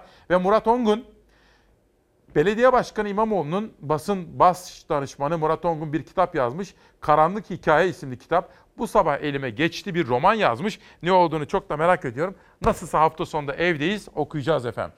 Başını koyacak taş bulamazsın Ozan Hasan Toptaş. Bu kitabı okuyunca, okuyacağız dedim ya, oku, okuyunca hafta sonu biter küçük bir roman çünkü. Ben sizlere özet yapacağım ne yazdığını sizlere anlatacağım. Hüznün ıslak yüzü Cemil Cengiz. Bir kitap daha tanıtalım. Nazım Hikmet son şiirleri bakın Nazım Hikmet şiirleri içinde de bana bir mektup var. Mektubu daha sonra evde okuyacağım. Limon diyoruz. Üretici! Bunlar milli sever! Yok böyle bir dünya! Biz stokçu değiliz! Biz üreticiyiz! Limon üreticisi isyan etti, ihracat kapısının kapalı olmasına ürünlerimiz çürüyor diye ses yükseltti. Akşam saatlerinde Tarım Bakanı müjdeyi sosyal medyadan verdi. 10 bin ton ihracatın yolu açıldı. Cumhurbaşkanımız ve bölge milletvekillerimizle yaptığımız istişareler sonucu 10 bin ton limon ihracatının yeniden yapılacağını müjdelemek isterim. Bu konuda kimse kendine paye çıkarmasın. Limon üreticisinin eli kolu ihracat kısıtlamasıyla bağlandı. Tarım Bakanlığı kısıtlamanın sebebini iç pazarda fiyat artışının önüne geçmek olarak açıkladı. Ancak Türkiye'ye yetecek limondan fazlası üretildi. Üreticinin elinde tonlarca limon kaldı. Üretimin merkezinden Mersin Erdemli'den limoncular eylem yaptı. Yol kapatıp çürümeye yüz tutan limonlarını yola döktüler. Limon 3 ay hasat yapılır, 12 ay tüketilir. Bu köylünün emeğidir. İhracatı yasakladınız. Bizim buradaki üreticiler mahvoldu. Tarım Bakanlığı'nın yaptığı tespitin yanlış olduğu anlaşıldı. Çünkü restoranların kapalı olması, otellerin kapalı olması ve bu yıl 50 milyonu aşkın turistin de Türkiye'ye gelmemesi nedeniyle limon ihtiyacının çok daha düşük olacağı ve depolardaki limonun aslında Türkiye'nin tüketiminden daha yüksek olduğu ortaya çıktı. Tarım yazarı Ali Ekber Yıldırım hesap yanlış demişti. Akşam saatlerinde 10 bin tonluk liman ihracatının önünün açıldığı müjdesini veren Tarım Bakanı hesap doğru dedi. Planlamamızı ihtiyaca göre yaptık. Her zaman olduğu gibi üreticilerimizin ve tüketicilerin yanındayız. Türkiye Büyük Millet Meclisi Plan ve Bütçe Komisyonu Başkanı ve AK Parti Mersin Milletvekili Lütfi Elvan konunun Cumhurbaşkanı ile görüşüldüğünü dile getirdi. Mersin'de limon konusundaki durumu Sayın Cumhurbaşkanımızla detaylı bir şekilde görüştük. Kendilerinin de onayıyla 10 bin ton limon ihracatına izin çıktı. Sayın Cumhurbaşkanımız her zaman Mersinli kardeşlerimizin yanındadır ve yanında olmaya devam edecektir. Çiftçi emek emek ürettiği limon çürüdüğü için eylem yapmıştı. Eylemlerden sonra ihracat kapısı sonuna kadar açılmış olmasa da aralandı. Şimdi Fatih Avşar'ın ikinci testi negatif çıkmış efendim. Geçmiş olsun. Dün pozitif çıkmıştı. Bana yazmış şimdi Beşiktaş yöneticisi. Ayşe Sözeri, Enerji Avcıları, Değişim Farkındalıkla Başlar isimli kitabıyla Çalar Saat'te Ayşe Sözeri'nin bu kitabı. Ve Semiha Uzun Alioğlu sessizce geçiyordu zamandan. Ve defterimdeki Atatürk sözlerine geldi sıra. Bakınız. Bu vatan çocuklarımız ve torunlarımız için cennet yapılmaya layıktır. Öyledir. Bu vatan çocuklarımız ve torunlarımız için cennet yapılmaya layıktır. Mustafa Kemal Atatürk diyoruz efendim. Trump bir açıklama yaptı F-35 ama dikkatle dinlersek ve anlarsak çok derin anlamları var. We make F-35s very important, the greatest jet in the world, where the main body of the jet is made in Turkey. And then it's sent here. F-35 krizi konusunda kafa karıştıran açıklamayı Amerika Başkanı Trump yaptı. Trump savaş uçağının ana gövdesi Türkiye'de üretiliyor dedi. Türkiye'nin Rusya'dan S-400 alması sonrası Amerika ile olan ilişkilerinde ipler gerildi. Washington, Türkiye'nin F-35 programından çıkarılacağını açıkladı. Amerika'dan gelen bir açıklama kafaları karıştırdı. Açıklamayı Amerika Birleşik Devletleri Başkanı Donald Trump yaptı. Türkiye'nin F-35 parçalarını temin ettiğini söyledi. Main body of the jet is made in Turkey. Trump Cumhurbaşkanı Erdoğan'la iyi ilişkileri olduğunu söyledi. Ya iyi ilişkilerimiz olmasaydı size F-35 parçalarını vermiyoruz deselerdi ne olacaktı diye sordu. We have a good relationship with President Erdogan. What happens if we don't with me? Sayın Sağlık Bakanı, çok kıymetli bilim kurulu üyeleri, lütfen bu mesajı dikkate alınız. Şükran Çelebi. Sevgili Küçükkaya günaydın. Annemin selamı var. Bugün İzmir'de yaşayan annemle konuştum. Sana selamları var. Pazar günü dışarıya çıkacağı için heyecanlı. Ancak benim duyurmam için bir mesaj yollamış. Sağlık Bakanı'nın ve Bilim Kurulu üyelerinin dikkatine sunuyorum. Bu hafta sonu batı ve güney illerimiz başta olmak üzere hava anormal sıcak olacak. Mevsim normallerinin üzerinde olacak. 39-40 dereceye kadar yükselecek. Bu yaş grubunun dışarıda olmasına izin verilen saatler 11 ile 15 arası. Günün en sıcak saatleri. Zaten evde olmaktan ötürü hareket kaybı var, can sıkıntısı var ve aşırı sıcaklar sağlıklarını olumsuz etkileyebilir. Endişeleniyoruz. Sen sesimizi duyurursan bu saatleri değiştirebilirler mi? Mesela saat 14'ten sonra 18'e kadar yapabilirler mi? Bence son derece yapıcı ve anlamlı önemli bir mesaj. Hava durumuna gideceğim ama önce Cem Duna sıra dışı diyor. Rahime Sezgin'in derlemesiyle ve bir kitap daha Hüznün ıslak yüzü Cemil Cengiz'den gelmiş efendim. Havalar gerçekten çok sıcak olacak. Mevsim normallerinin üzerine çıkacak. O nedenle bilim kurulu bugün hafta sonunda sokağa çıkma iznini büyüklerimiz için saatini değiştirirlerse bundan çok memnun oluruz. Hafta sonu yaz havasıyla geliyor. Yurtta 14 büyük şehir ve Zonguldak'ta hafta sonundan başlayarak 4 gün sokağa çıkma yasağı var. Ancak kalan illerde kısıtlama olmayacak bu hafta sonunda. Hava ise oldukça sıcak olacak. Termometreler normallerin yaklaşık 10 derece üzerine çıkacak. Sıcak hava sokağa davet etmesin.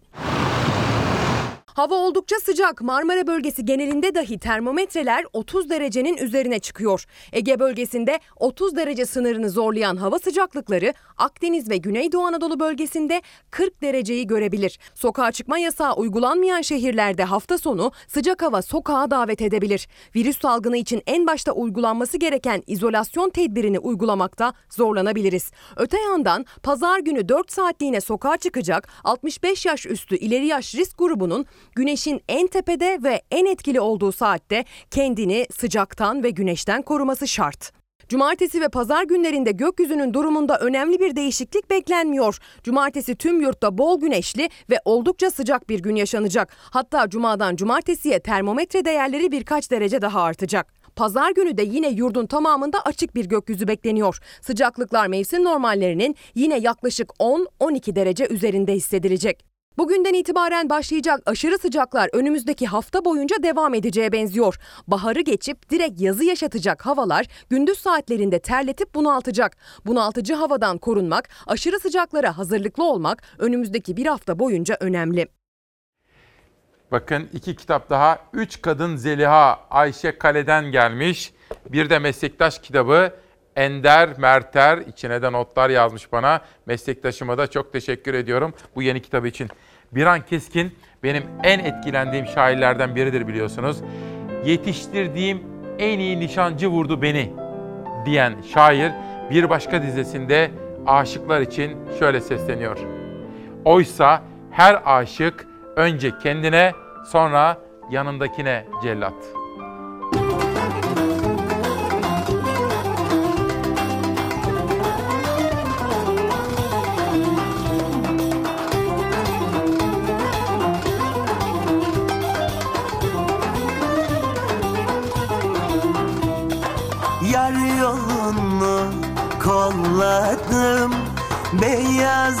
Mendili salladım Ona çiçek yolladım Akasyalar açarken Ona çiçek yolladım Akasyalar açarken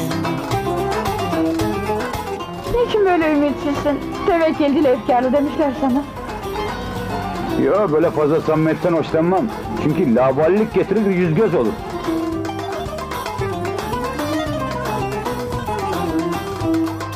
Yarim gelir yanıma Kanı kaynar kanıma Neşe saçar canıma Akasyalar açarken Neşe saçar canıma Akasyalar açarken